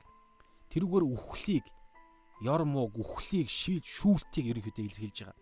Тэгэхээр шуу а шуу ерөнхийдөө Библиэлд хорон муугийн хүчийг ерөнхийдөө илэрхийлэх тохиолдол маш олон байгаад байгаа байхгүй ихэнхдээ тийм байгаад байгаа. Тэгэхээр эндээс биш те бид нар яг түрүүний өмнөх нөгөө нэг үрийн сүлийн сургаал зүрэлтэй мөн адилхан. Улаан буудаа ургаж ийн улам илүү ургана хүч чадалтай бурхны ариун сүнсний хүчээр үгийн хүчээр ургана зэрэгцээ энэ дэлхий дээр байгаа учраас үрийн сүл яг адилхан ургана. Тэрийг маш аюултай. Тийм уч тэрнтэй яг адилхан. Өнөөдөр Тэнгэрийн хаанчлалнаараа ийм байгаад байгаа байхгүй гिचийн үртэй адилхан. Гिचийн үр маш сагалгаар ургана. Дангаараа хүч чадалтай ивэл өрөөл өвг нь олон хүмүүс аврагдана. Тэрний хажуугаар хорон муу тэр Тэнгэрийн хаанчл дотор орж ирж шурглан орж ирж хорон муугийнхаа ажлаа бас адилхан хийнэ гэдгийг Есүс хоёр тугуудаага дахин сануулж байна. Тийм учраас бид сэр соргог байх ёстой, эрүүл ухаантай байх ёстой. Хоёуг дуулгаа өмссөн байх ёстой. Хүн болгоныг сүнс болгоныг та нар шалга гэж байгаа. Аа хуурамч иш үзүүлэгчдээс болгоомжл гэж байгаа. Тэд хомхой чоннууд, хоньны арьс нөмөрсөн хомхой чоннууд ирээд бүр үүрээ засна. Тийм учраас аа тэгээ энэ дээр нэг юм бас нэг мэдээлэл сансан юм нь юу гэхээр мэдээлэл юу байгаа гэхээр хүн төрлөخت чуулганы түүхэнд энэ яг болсон. Тэнгэрийн хаанчлал анхны чуулган 12 элч нараар анхны чуулган байгуулагдсан. Манай энэ 1-р зуунд хүч чадлаа авсан, тархсан, ивэл өрөөл авсан. Гэтэ энэний хажуугаар яасан бэ гэхээр ромчууд хавцсан, хавчлагууд байсан хэдэн мянгаараа хэдэн саяар нь израилчуудыг алсан. Тэр тусмаа манай эртний 70 онд Иерусалимыг устгах үеэр дэлхийн 2 дугаар дайнд өгсөн еврейчүүдээс бүр хэд дахин илүү еврейчүүд өгсөн гэсэн тэр Августины тэмдэглэл байдаг гинэ. Тэгэхээр тэнд асар ихээрээ өгсөн. Тэгж алж устгаж байсан, эсэргүүцэж байсан Ром гүрэн 300 за энэ агуу Константин гэдэг хаан хааны хаанталж байсан он жил нь бол манай эртний 306-аас 337 он юм байна л да. Тэгэхээр энэ дундаа нэг 310 хэдэн оны үед Константин хаан өөрөө Христ итгэлд ирсэн. Мэдээж энэ гайхамшиг.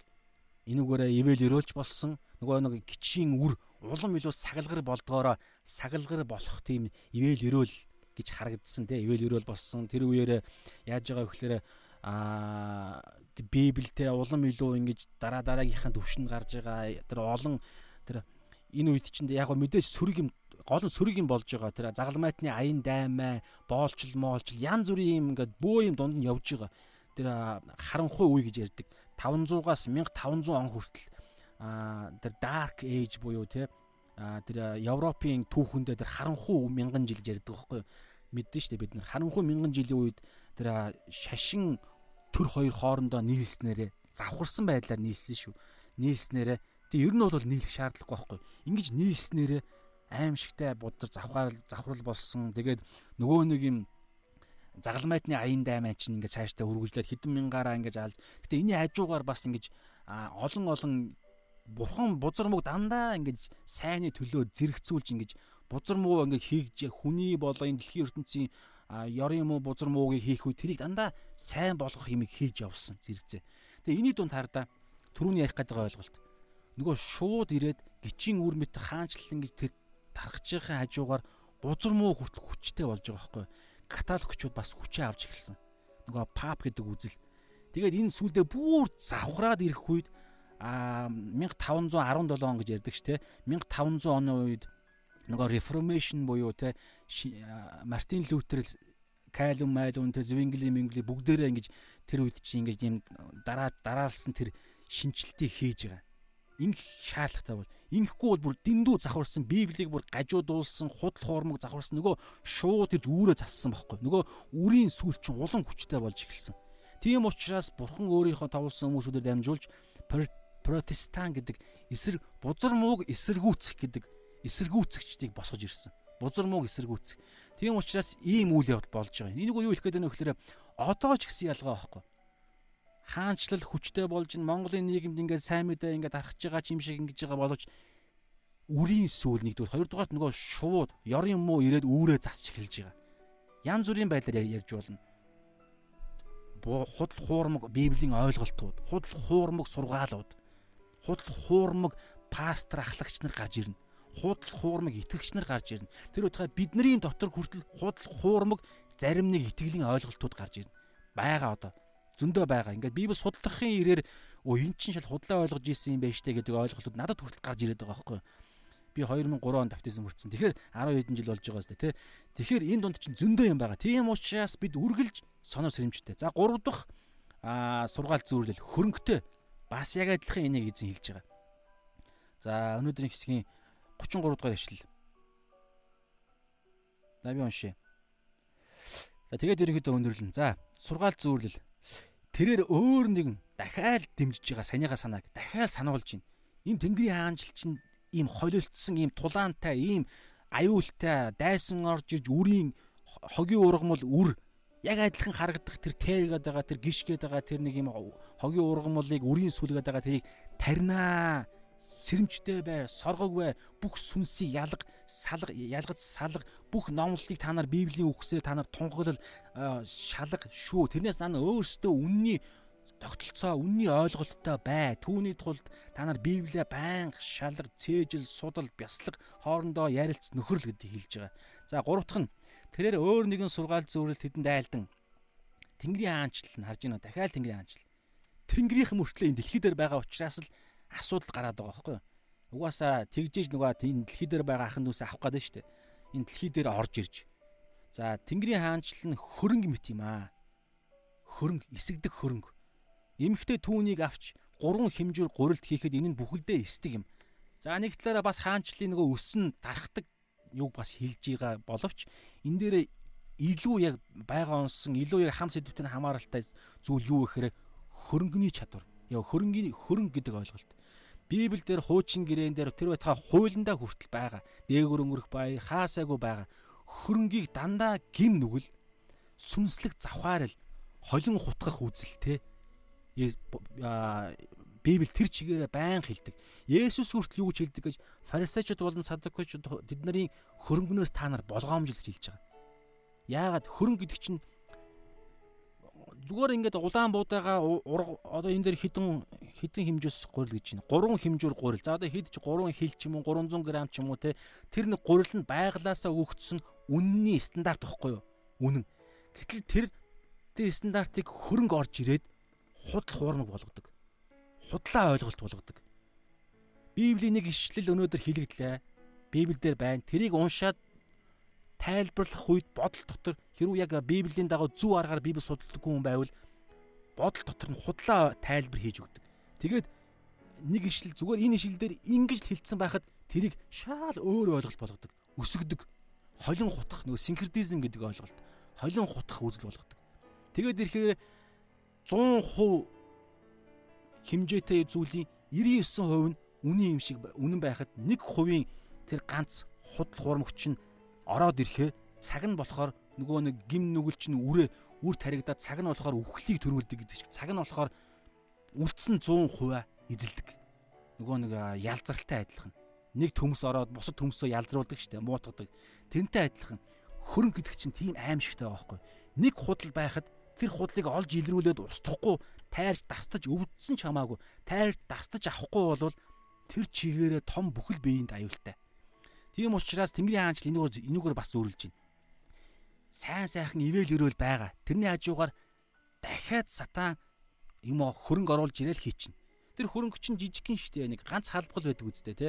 Жишээ нь би манай эмээ далах хийдэг байсан тэр нэг юм иймэрхүү хэмжээтэй савн дотор нэг нэг халбгал нэг юм бүлээн уснантай ингэж задлсан нэг халбгал дамбаа уули хийхэд өсөгдөг. Тэгэхээр яг энэ багхгүй. Үргэлж сонор сэрэмжтэй байхгүй болвол сүнсээр явахгүй болвол шүүлтийн өдөр бид үрийн сүүл болж хуурахгүй. Бид тэ тэр шууны үүрэнд хэрэглэгдэх тэр а мөчр болж хуурахгүй. Зүгээр үр жимсээ өгөх мөчр биш. Шууны үүрийн тэтгэх тэр бузар мууг тэтгэх бузар муугийн хүчийг хооллох бузар худал хуурамгийн талд орсон тэр шууны үүр болчихгүй. Зүгээр гурил байдал тэр өссөн өөрчлөгдсөн худал хуурамгаар хувирсан тэр нэг юм шал тэг байглаас гажсан гурил болох вэ гэдэг санаа. Энийг ерөнхийдөө ярьж байгаа. Тэгэхээр Аа тэгээ энэ тал энэ тал дээр бас хэдийн ишлэл хэлээд тэгээ өнөөдрийн цагийг өндөрлөе. Ром 12-ын 12 дээр юу гэж байгаа вэ гэхээр биш 12-ын 2 дээр хар та. Энэ үеийн явдалд нийцэлгүй. Харин оюун санааныхаа шинтгэлээр өөрчлөгдөж байх тун. Тэгвэл бурхны сайн тааламж төгс төгөлдөр таалал юу болохыг та нар таних болно. Энэ үеийн явдалд битгий нийц гэдэг ойлголт. Тэнгэрийн хаанчлал байгаа мөртлөө Тэнгэрийн хаанчлалт нь энэ дэлхий дээр байгаа байхгүй юу? Тийм учраас энэ дэлхийд чинь өөрийн гэсэн хүч онцлог үе гэж байгаа, мөн чанар гэж байгаа. Тэр мөн чанар донд бид холилдсон байдалтай байгаа байхгүй юу? Бидний махбод гимт чанар, хуучин хүн, шинэ хүн хоёр мэт байгаа. Хуучин хүн хэдийгээр загалмаа дээр хатагдсан ч гэсэн хуучин хүний тэр дурсамж, хуучин хүний тэр дуу хоолой байгаад байгаа байхгүй юу? Тийм учраас бид үргэлжлүүлэн тэр оюун санааныхаа энд харж байна. Оюун санааныхаа шинтгэлээ үргэлж өөрчлөгдөхгүй бол хуучин хүн чинь тэр нөгөө нэг эсгсэн хөрөнгө шиг эзэлж авах болно буцаад бид эргээд аа нөгөө галаатчууд шиг те эргээд бид хуулийн дор буцаад ордог гэдэг шиг бид эргээд боолчл руу орно. Еврэ 6-гийн 4-өөс 8 дээр байгаачлан эргээд бид энэ дэлхийн тэнгэрлэг сайн сайхныг амссан мөртлөө эргээд дэлхийн зүйл рүү татагдаад бид авралаас өөрсдөө салаад унаад явах болно. Ийм аюул байгааг Библи байн хэлж байгаа. Тийм учраас одоо энэ яаж гэдэг дээр би хэдийн юм хэлээд тэгээ өндөрлөх гээд байна. За хоёрдугаар дахиад сануулгана. Йохан 17-гийн 15-аас 18. За Ром дээр бас байгаа. Аа за сүнсээр аа хэрүү Бурхны сүнс үнэхээр та нарын дотор оршиж байвал за биш эн чинь өөр хэсэг дээр байгаа юм. За би юуг уншчихъя. 17 Ром Йохан 17 ба гэж байна уу? За энэ дээр зүгээр би артталт нь бичсэн болохоор би гаргаагүй юм байна. За Йохан 17-гийн 15-аас 18 дээр жишээ гэж муу муухай Есүсийн залбир шүү дээ. Йохан 17 ч нөгөө нэг ичгтэй ханд залбирдаг залбирал байгаа. Өөрийнхөө ах нь өөрийнхөө хүмүүсүүдийн төлөө талархсан залбирал. Бас даатгсан залбирал. Тэрэн дээр ингэ залбирсан Есүс. Бурхан аавда өгөхөөс өмнө загалмай цовлогдохоос өмнө муу муухагаас хамгаалаач. Тэгээ энэ дэлхийн ертөнцөөс салгаач гэж би танаас гуйхгүй. Харин муу муухагаас хамгаалаач гэж би Бурхан аав танаас гуйж байна гэд гуйсан харж байна. Энэ дэлхийн ертөнцийн чинь муу мухаа байхгүй. Гэхдээ салахгүй. Салгаач гэж гоохгүй. Яагаад гэж зориг байгаа байхгүй юу? Есүс ч гэсэн тэгж ирсэн. Энэ дэлхийн ертөнцийн дээр ирээд муу мухаагаас салангад байдалтайгаар энэ дэлхийн ертөнцийн энэ дэлхийн ертөнц дотор байх байхаар бид энэ дэлхийн дэлхийн ертөнц дээр амьдарж байгаа өнөөдөр. Муу мухатай холилдохгүйгээр энэ дэлхийн ертөнц дунд амьдрна. Холилдож гэх юм уу те. За тэгээд тэд энэ ертөнцийнх бишээ гэж хэлж байгаа. Тийм учраас энэ ертөнцийн зүйлсээс салангад та амьдруулаач хамгаалаач гэдэг залбирал хийсэн. За Эфес 2-ын 9-10 дээр бас байгаа. Эфес 2-ын 8 9 8 9 дээр гэж байгаа гэхээр тэр тэр аврал хүч тэр бүх аврал зөвтгөлийг үнгүүгээр бэлгэлсэн. Тийм учраас ямар ч сайрхал байхгүй. Ариун сүнсийг ч гэсэн үнгүүгээр бэлгэлсэн. Тийм учраас ямар ч сайрхал байхгүй. Харин ингэж бэлгэлсэн зорилго нь 10 дээрээ байгаа юу вэ гэхээр сайн үүс дотор үргэлжлүүлэн явах. Матай дээр 5 дээр бас байгаа сайн үйлс яагаад сайн үйлс биднээс бид нар ярьдаг вэ гэхээр сайн үйлс чинь энэ ертөнцид гэрэл болж харагдах зорилготой. Тэгээ гэрэл болсноороо Тэнгэр дэх аавыг чинь алдаршуулахын тулд та нарын сайн үйлс тэдний өмнө тийхүү гэрэлтэх гэж байгаа байхгүй юу? Бидний сайн үйлс бид өөрсдөө алдарчих биш. Бурхан аавыг алдаршуулад тэгээ энэ Эфес 2-ын 8 9 дээр байгаа шүү дээ. Бид ямар ч алд бидэнд хийсэн юм юу ч байхгүй биднийг аварсан нь Есүс, биднийг зүвт болгосон нь Есүс. Ингээд яаж амьдрах үгийг хүртэл Есүс Христ өөрөө хэлсэн. Тэр үгээр нь амьдрах хүч чадлан ч гэсэн ариун сүнс биднэрт үнгүү өгөгдсөн. Биднэрт хийж байгаа юм юу ч байхгүй. Зүгээр л бид а тэр зүйл тэр зүйлээр л амьдрах. Тэгээд сайн үйлсээ хийгээл дотор сүнслэг мөн чанараараа бид сайн үйлсийг хийх хүсэлтэй болчихж байгаа байхгүй юу? Мөн чанар нь цаад мөн чанар нь. Тийм учраас бид алдарших биш бурхан аавыг алдаршуулна. Тэгснээрээ хүмүүс бурхан аавыг өөрсдийнхөө аавыг бол аава болохыг хүснэ гэсэн. Ямар гоё бурхан аав бэ? Энэ манай энэ ахын дүүс энэ танихгүй энэ залууд ингэж гоё ивэлэрвэл энэ гоё сайн үйлсийг чадвар өгсөн шиг би ч гэсэн тэрийг авмаар байна гэж хэлснээрээ үнгүү тэр бэлгийг авна. Энэ зүйлийг чинь энэ дэлхийн ертөнцийн хийх зорилготой бид нар байгаа. Тэгвэл тулаан дунд явна гэсэн. Тийм учраас өдөр болгон сонор сэрэмжтэй. За яаж ингэж хийх вэ гэхлээр нэг л юм ярьж байгаа. Ариун сүнсний л хүчээр өөр ямар ч боломж байхгүй. За Ром а бүх захидлууд хэлж байгаа шүү. Ян зүрийн байдлаар хэлж байгаа. За Ром 8-ийн 11 дэх жишээ. За тэгээ өндөрлөе үдээ. Мөн үхэгсдээс үхэгсдээс Есүсийг амьлуулсан нэгний сүнс та нарын дотор оршвоос сонсож байгаад Есүс Христийг ариун сүнс үхэгсдээс амьлуулсан. Тэр нэгний сүнс гэдэг чинь Бурхан Аавын сүнс буюу ариун сүнс. Тэр Есүс Христийг үхэгсдээс амьлуулсан Бурхан Аавын сүнс бидний дотор оршвоос Христ Есүсийг үхэгсдээс амьлуулсан тэр та нарын дотор оршдог өөрийн сүнсээр дамжин үхлийн энэ мах бодийн биед чинь ам өгнө гэж байгаа байхгүй. Бидний махуд бидний эсрэг дайсагнаж байгаа гэж байгаа. Ром 7 дээр байгаа. Гэхдээ энэ мах бодийн биеийг тэ ам өгөх. Энэ махуудын үхлийн биеийг өхүүлээд алдрын бие сүнслэг мөргөл хүндэтгэл өргөдөг те сайн үйлс хийдэг те тэр алдрын бие болгоход чадуулдаг ганц юм чинь ариун сүнс ариун сүнс, ариун сүнс, ариун сүнс. Хэрвээ бид ариун сүнсийг сонсоогүй, ариун сүнсийг мэддэггүй, ариун сүнс яаж надад хэрэгтэй гэдгийг ойлгодоггүй байвал бид зүгээр шууд хэлэхэд бид нар маш а өрөвдөлтэй а тийм дорой амьдралд амьдраад байна гэсэн үг. Итгэлийн жинхэнэ хаанчлалын амьдралаар амьдрахгүй байна л гэсэн үг. Тийм учраас монголчуулган өнөөдөр зүгээр мэдлэгээр ярьдаг, мэдлэгээр бие биенээ шүүдэг, мэдлэгээр нэг тийм Есүс Христ итгэлийг ашиглаж өөрсдийнхээ юма хийдэг хүмүүсүүд их байгаад байгаа юм тэр ихгүй юу. Тийм учраас Facebook дээр нэг пост тавигдахад нөгөө нэг юм юуг ашиглаж бие бинээ ахан дүүс ахан дүүсээ Facebook дээр ил задгаа шүүмжилж, шүүж, буруутгаж харь гаж урсгалтай, гаж аа урсгалынх болцсон байна гэж хүртэл ярьж шít. Харамсалтай. Миний мэддэг, таньдаг Библийн дагуу явах гэж үз тарж байгаа Үнэхээр нэг золиос гаргаж явж байгаа найзыг маань хүртэл өөр нэг найз маань чи гаж болцсон юм уу гэж ярьж байгаа байхгүй. Зүгээр комент тэр юу болж хуурж байна? Түрүү ярьсан чинь шүүх тэр чи үрийн сүүл болцсон юм биш үү гэж ярьж шít гэтэл энэ дээр юу Есүс юу гэж хэлсэн? Ялгах боломжгүй байгаа даа гарал та ийм аюултай ийм адилхан харагдаад байгаа энэ. Тийм учраас бид та нар зүгээр ял би яаж Библийн дагуу ариун сүнс дотор алах вэ гэдэг дээр л бүх анхаарлаа тавь. Бусдыг нь шүүх, цоргаанд зохистой нэгэн болох эзэн өөрөө шүүн. Гэхдээ хизээ шүүх вэ гэхээр одоо биш. Шүүлтийн өдөр шүүн гэж байгаа. Одоо шүүхгүй. Тийм учраас одоо зүгээр ургаг гэж байгаа. Хамт ургаг. Цаг нь болохоор шүүн. Хамт ургаж байгаа зорилго нь хин нэгнийг гэмтээхгүй тулд. Гэтэл бид нар өөрсдөө бие бинийгаа гэмтээж шít. Ийм байж болохгүй яхан дүүс нар.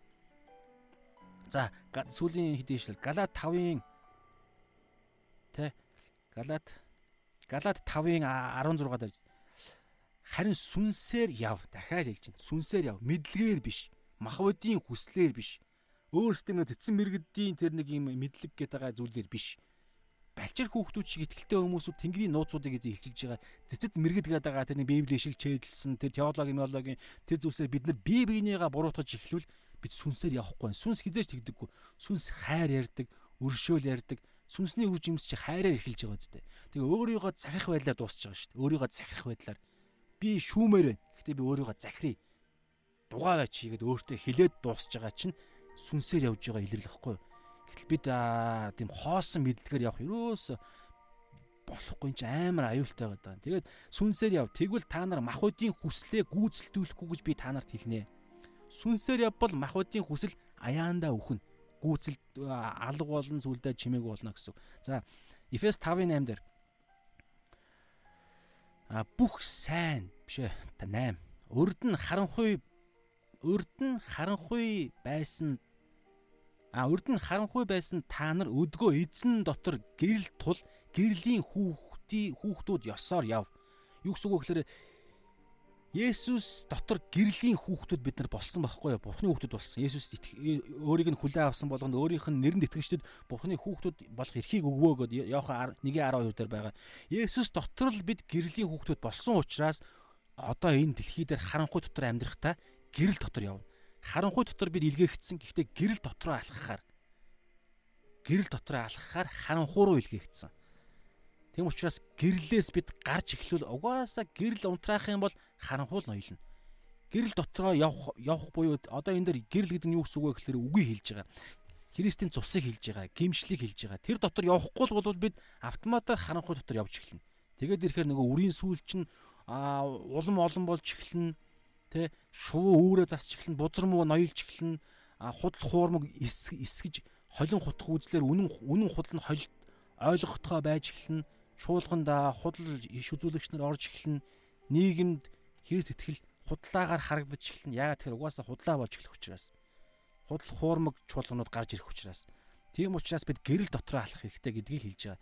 Сүүл сүүлийн хоёр ишлэл би баян хэлдэг хоёр ишлэл байгаа. Йохан 1-7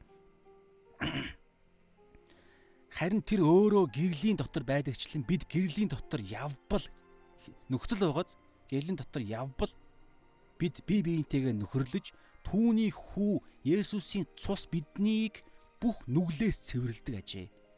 Есүсийн гэрэл дотор л явж л байвал явбал нөхцөл шүү. Явахгүй байвал бас аюул өөр юм яригдана. Есүсийн гэрэл дотор явбал Есүсийн цус биднийг нүглээс цэвэрлэнэ.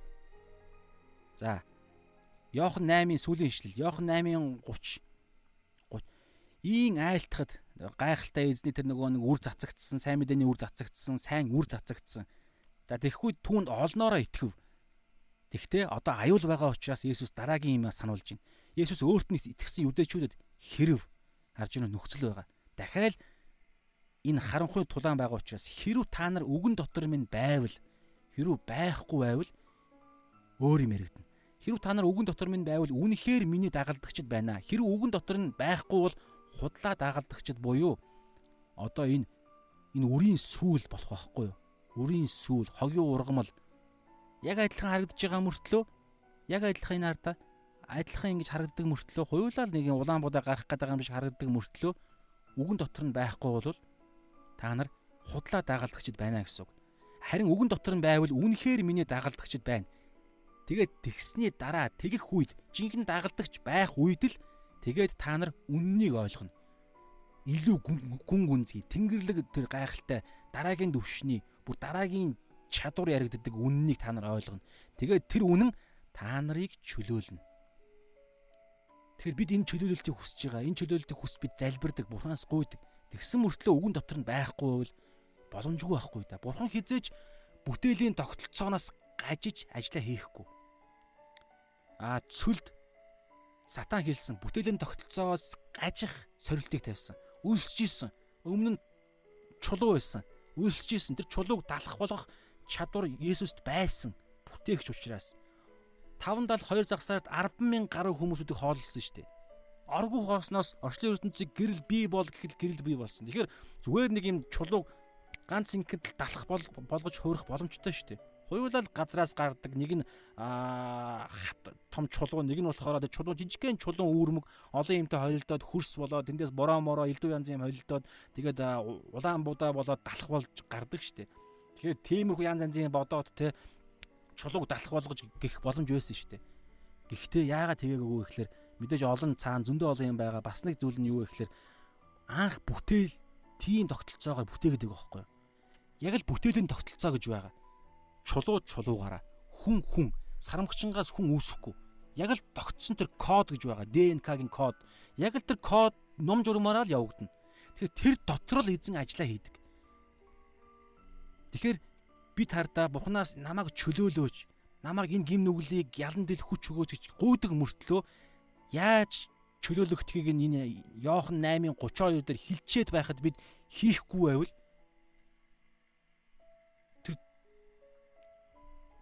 тэр одоо тэр яаж чөлөөлөгдөх тэр арга зам сүнслэг имийг зааж өгсөн мөртлөө тэрнээсээ гажиж яаж чөлөөлөх юм бэ?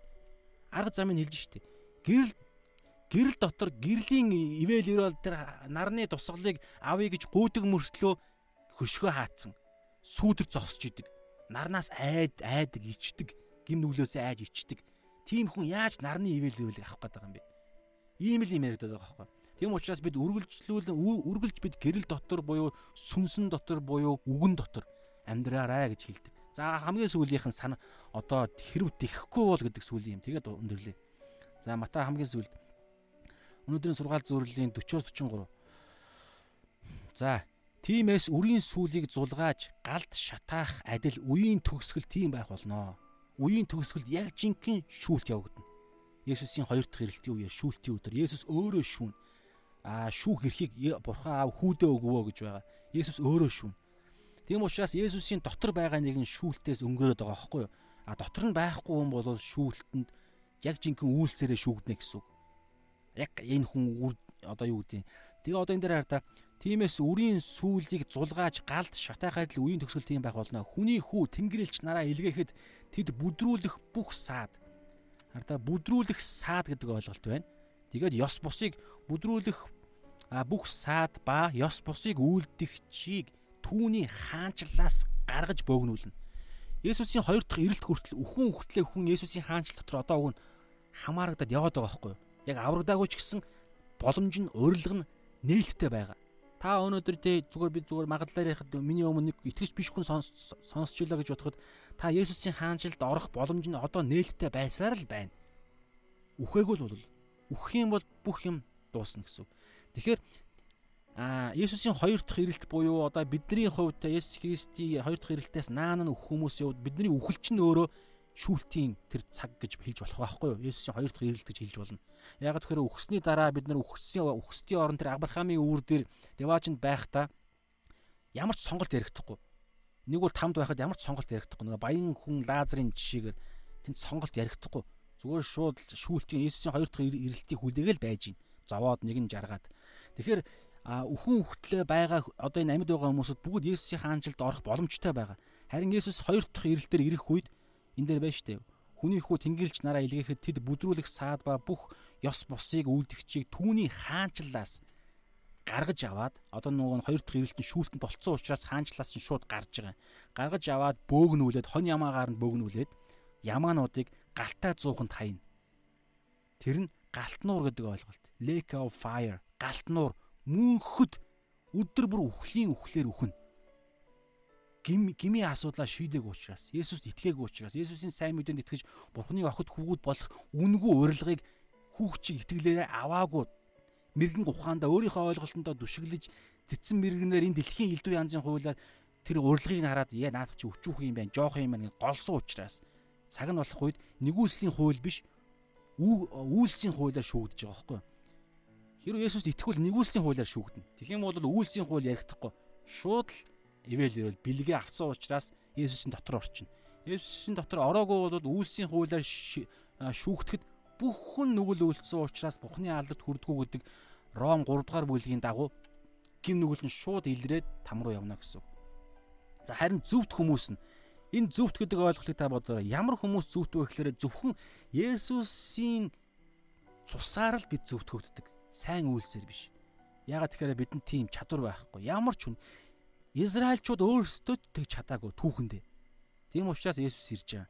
Тэгэхээр Есүсийн зөвхт хүний цусаар л цус миний өмнөөс урссан учраас би Есүстэй нэг болсон гэдэг тэр ойлголт итгэл тэгээ энэ дэлхий дээрх амьдралынхаа эзнээ Есүс Христийг болгож Есүс Христийн хаанчлалын зорилгын дагуу би энэ дэлхий дээр үргэлжлүүлэн амьдрнаа гэдэг тэр Ром 19-ийн дагуу амаараа эзэн гэж хүлээн зөвшөөрснөөрөө зүрхэндээ түүний үхсдээс амилсан гэдэгт итгэснээрээ авралт хүрнэ гэдэг чинь тэр байхгүй. Энэ итгэл чинь л хүнийг зөвхт болгодог.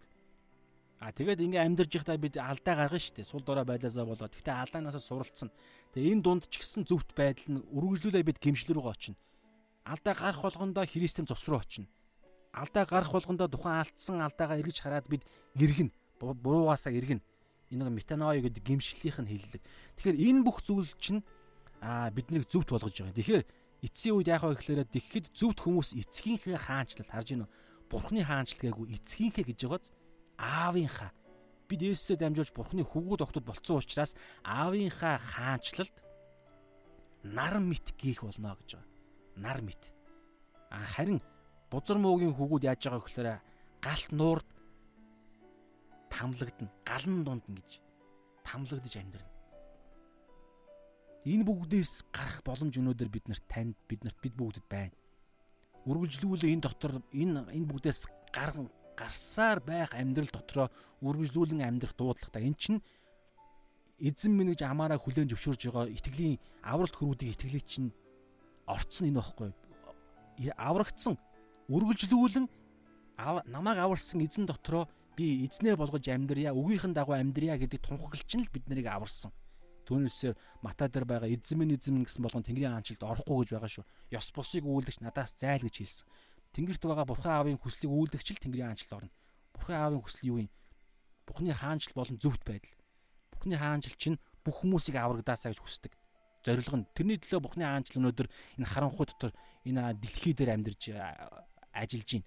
А Бурханы хаанчл зөвхт байдал нь Есүс Христийн дотор л бид зөвхт хөтдөг алдаа гарах гим нүгэл үлдэх болгондоо алдаа гарах болгондоо Есүс Есүсийн дотор бид очих буюу байн гимшин амьдрах. За тэгээ залбираад өндөрлөө бүгдээрээ. За өнөөдрийн цагтаа хамт байсан баярлалаа. За тэгээд хэдийгээр урт байсан ч гэсэн маш чухал хэсэг яригдж байгааг та анзаарсан болвол те бүгдээр хамтдаа залбирая. Тэгээд дараагийн дараагийн буюу дөрөв дэх өдөр үргэлжлүүлээд бүгдээрээ Матай 13 дээр байгаа 7 сургаал Тэнгэрийн хаанчлалын талаарх 7 сургаал зүйрлэлийн а өнөөдөр чинь бид нар чинь 3-ыг үүссэн гэхээр чинь 4 5 5 6 7-г үүсэх юм байна шүү. Энд дээр 3 сургаал зүйрлэдэг хэсэг байгаа. Тэгэхээр энийг бүгдээрээ үзнэ гэсэн үг. За тэгэхээр тэр хүртлээр бүгдээр хамтаа залбирая. Эзэн минь энэ цагийн төлөө талархъя. Тэгээ өнөөдрийн цагаар дамжуулан та бидний амьдарч байгаа бидний төрс аа Йохан 3-ын 5 дээр хэлсэнчлэн ус ба сүнсээр дахин төрсөн нэг нь л Тэнгэрийн хаанчлалд орно гэж хэлсэн. Тэгэхээр ус буюу гимшлэр сүнс буюу тэр үргэлжлүүлэн Есүсийн дотроо үргэлжлүүлэн алхаж Есүсийн сүнсээр л Есүсийн үгээр л Есүсийн гэрэл ертөнцийн гэрэл гэсэн Есүсийн гэрлэлээр л амьдрах тэр нарийн замаар л явж ижил бид нар Тэнгэрийн хаанчлал дотор алхана гэдэг. Энэ ойлголт нь бид нар энэ дэлхий дээр тулаан тулалтахаар энэ дэлхий дээр үргэлж сэрэмжтэй байхаар энэ дэлхий дээр үргэлж бид хоёуг дуулгаа өмсөн амьдрахаар илгээгдсэн а холилдсон Тэнгэрийн хаанчлал гэж бас нэг талаараа хэлж болохоор бузар муугийн хаанчлал дотор Тэнгэрийн хаанчлал бүрэлдэн бий болсон учраас үргэлжлүүлэн тулалдаж бузар муугийн тэр хүч энэ ноёрхлоос бид ахан дүүсээ булаан авах дээрэмдэж явах тэр Есүс Христийн агуу гайхалтай хүч чадлыг а Тэнгэр газар дээр хэрх мэдлийнхэн дагуу бид амьдрах энэ илгээх сүр чон дундах хонь мэтгэлгээгдсэн энэ төлөв байдлаа үргэлж санаж сэрэмжтэй гэрэл дотор хоёуг дуулга өмссөн амьдралаар амьдрах хэрэгтэй гэдгээ бид өнөөдөр сурлаа. Тэгээд өнөөдөр юугаар дамжуулан эзэн минь та энэ үгсийг аа тэр зүрхнийхаа гүнд суулгахад минь та туслаач. Тэгэхгүй бол яг л тэр дөрвөн хөрсний адил, эхний хөрсний адил зам хаваар унагсан тэр үр адил саяны ойлгосон үнэн үнэн ёрын муу тэр шууд ирээд идээд идчих учраас эзэн минь бид сайн хөрс байхыг хүсэж байна. Тэр нь нүдэрээ ойлгодог, чихээрээ сонсдог, зүрхээрээ ухаардаг, амьдралаараа амьдралаараа хэрэгжүүлдэг Тэгээд цаг нь болохоор үр жимс гардаг. Энэ бол хамгийн сайн хөрс гэж та Матай эхний хэсэгдээ сургаал зүйлээр хэлсэн. Тэгээд бид сайн хөрс байхын тулд ариун сүнсээрээ үргэлжлүүлэн алхахад та туслаарай хэмээн Есүсийн нэрээр энэ цагийг тань даатан залбирч байна. Амен. За энэ цагийн төлөө талархъя. Тэгээд өнөөдрийн цаг таамд байсан баярлалаа. Тэгээд дахин сонсож байгаа хүмүүс маань болж өгвөл эхнээс нь сонсвол их зүгээр гэж бодож байна. Библиэд тавьчихж байгаад давхар хараа залбираад ингээд ойлгоод зогсоож байгаад бос бодоод бясалгаад ойлгохгүй хэсгээ зогсоож байгаад юу ярьч үгээд ингэж эн чинь нөгөө нэг юм бясалгах, жажлах, зүрхээрээ ойлгох процесс процесс байгаа байхгүй. Тэгээд байнга нөгөө нэг Библи судлалынхаа Матай номын судал болгоно би каст бокс гэдэг подкастын юм дээр тавьж байгаа учраас тэндээс аудиог нь татаад ажил дээрээ автобусанд явахдаа сонсох боломжтой шүү. Pause play, pause play. За дараагийн цагаар дахин уулзлаа түр баяртай шалаа.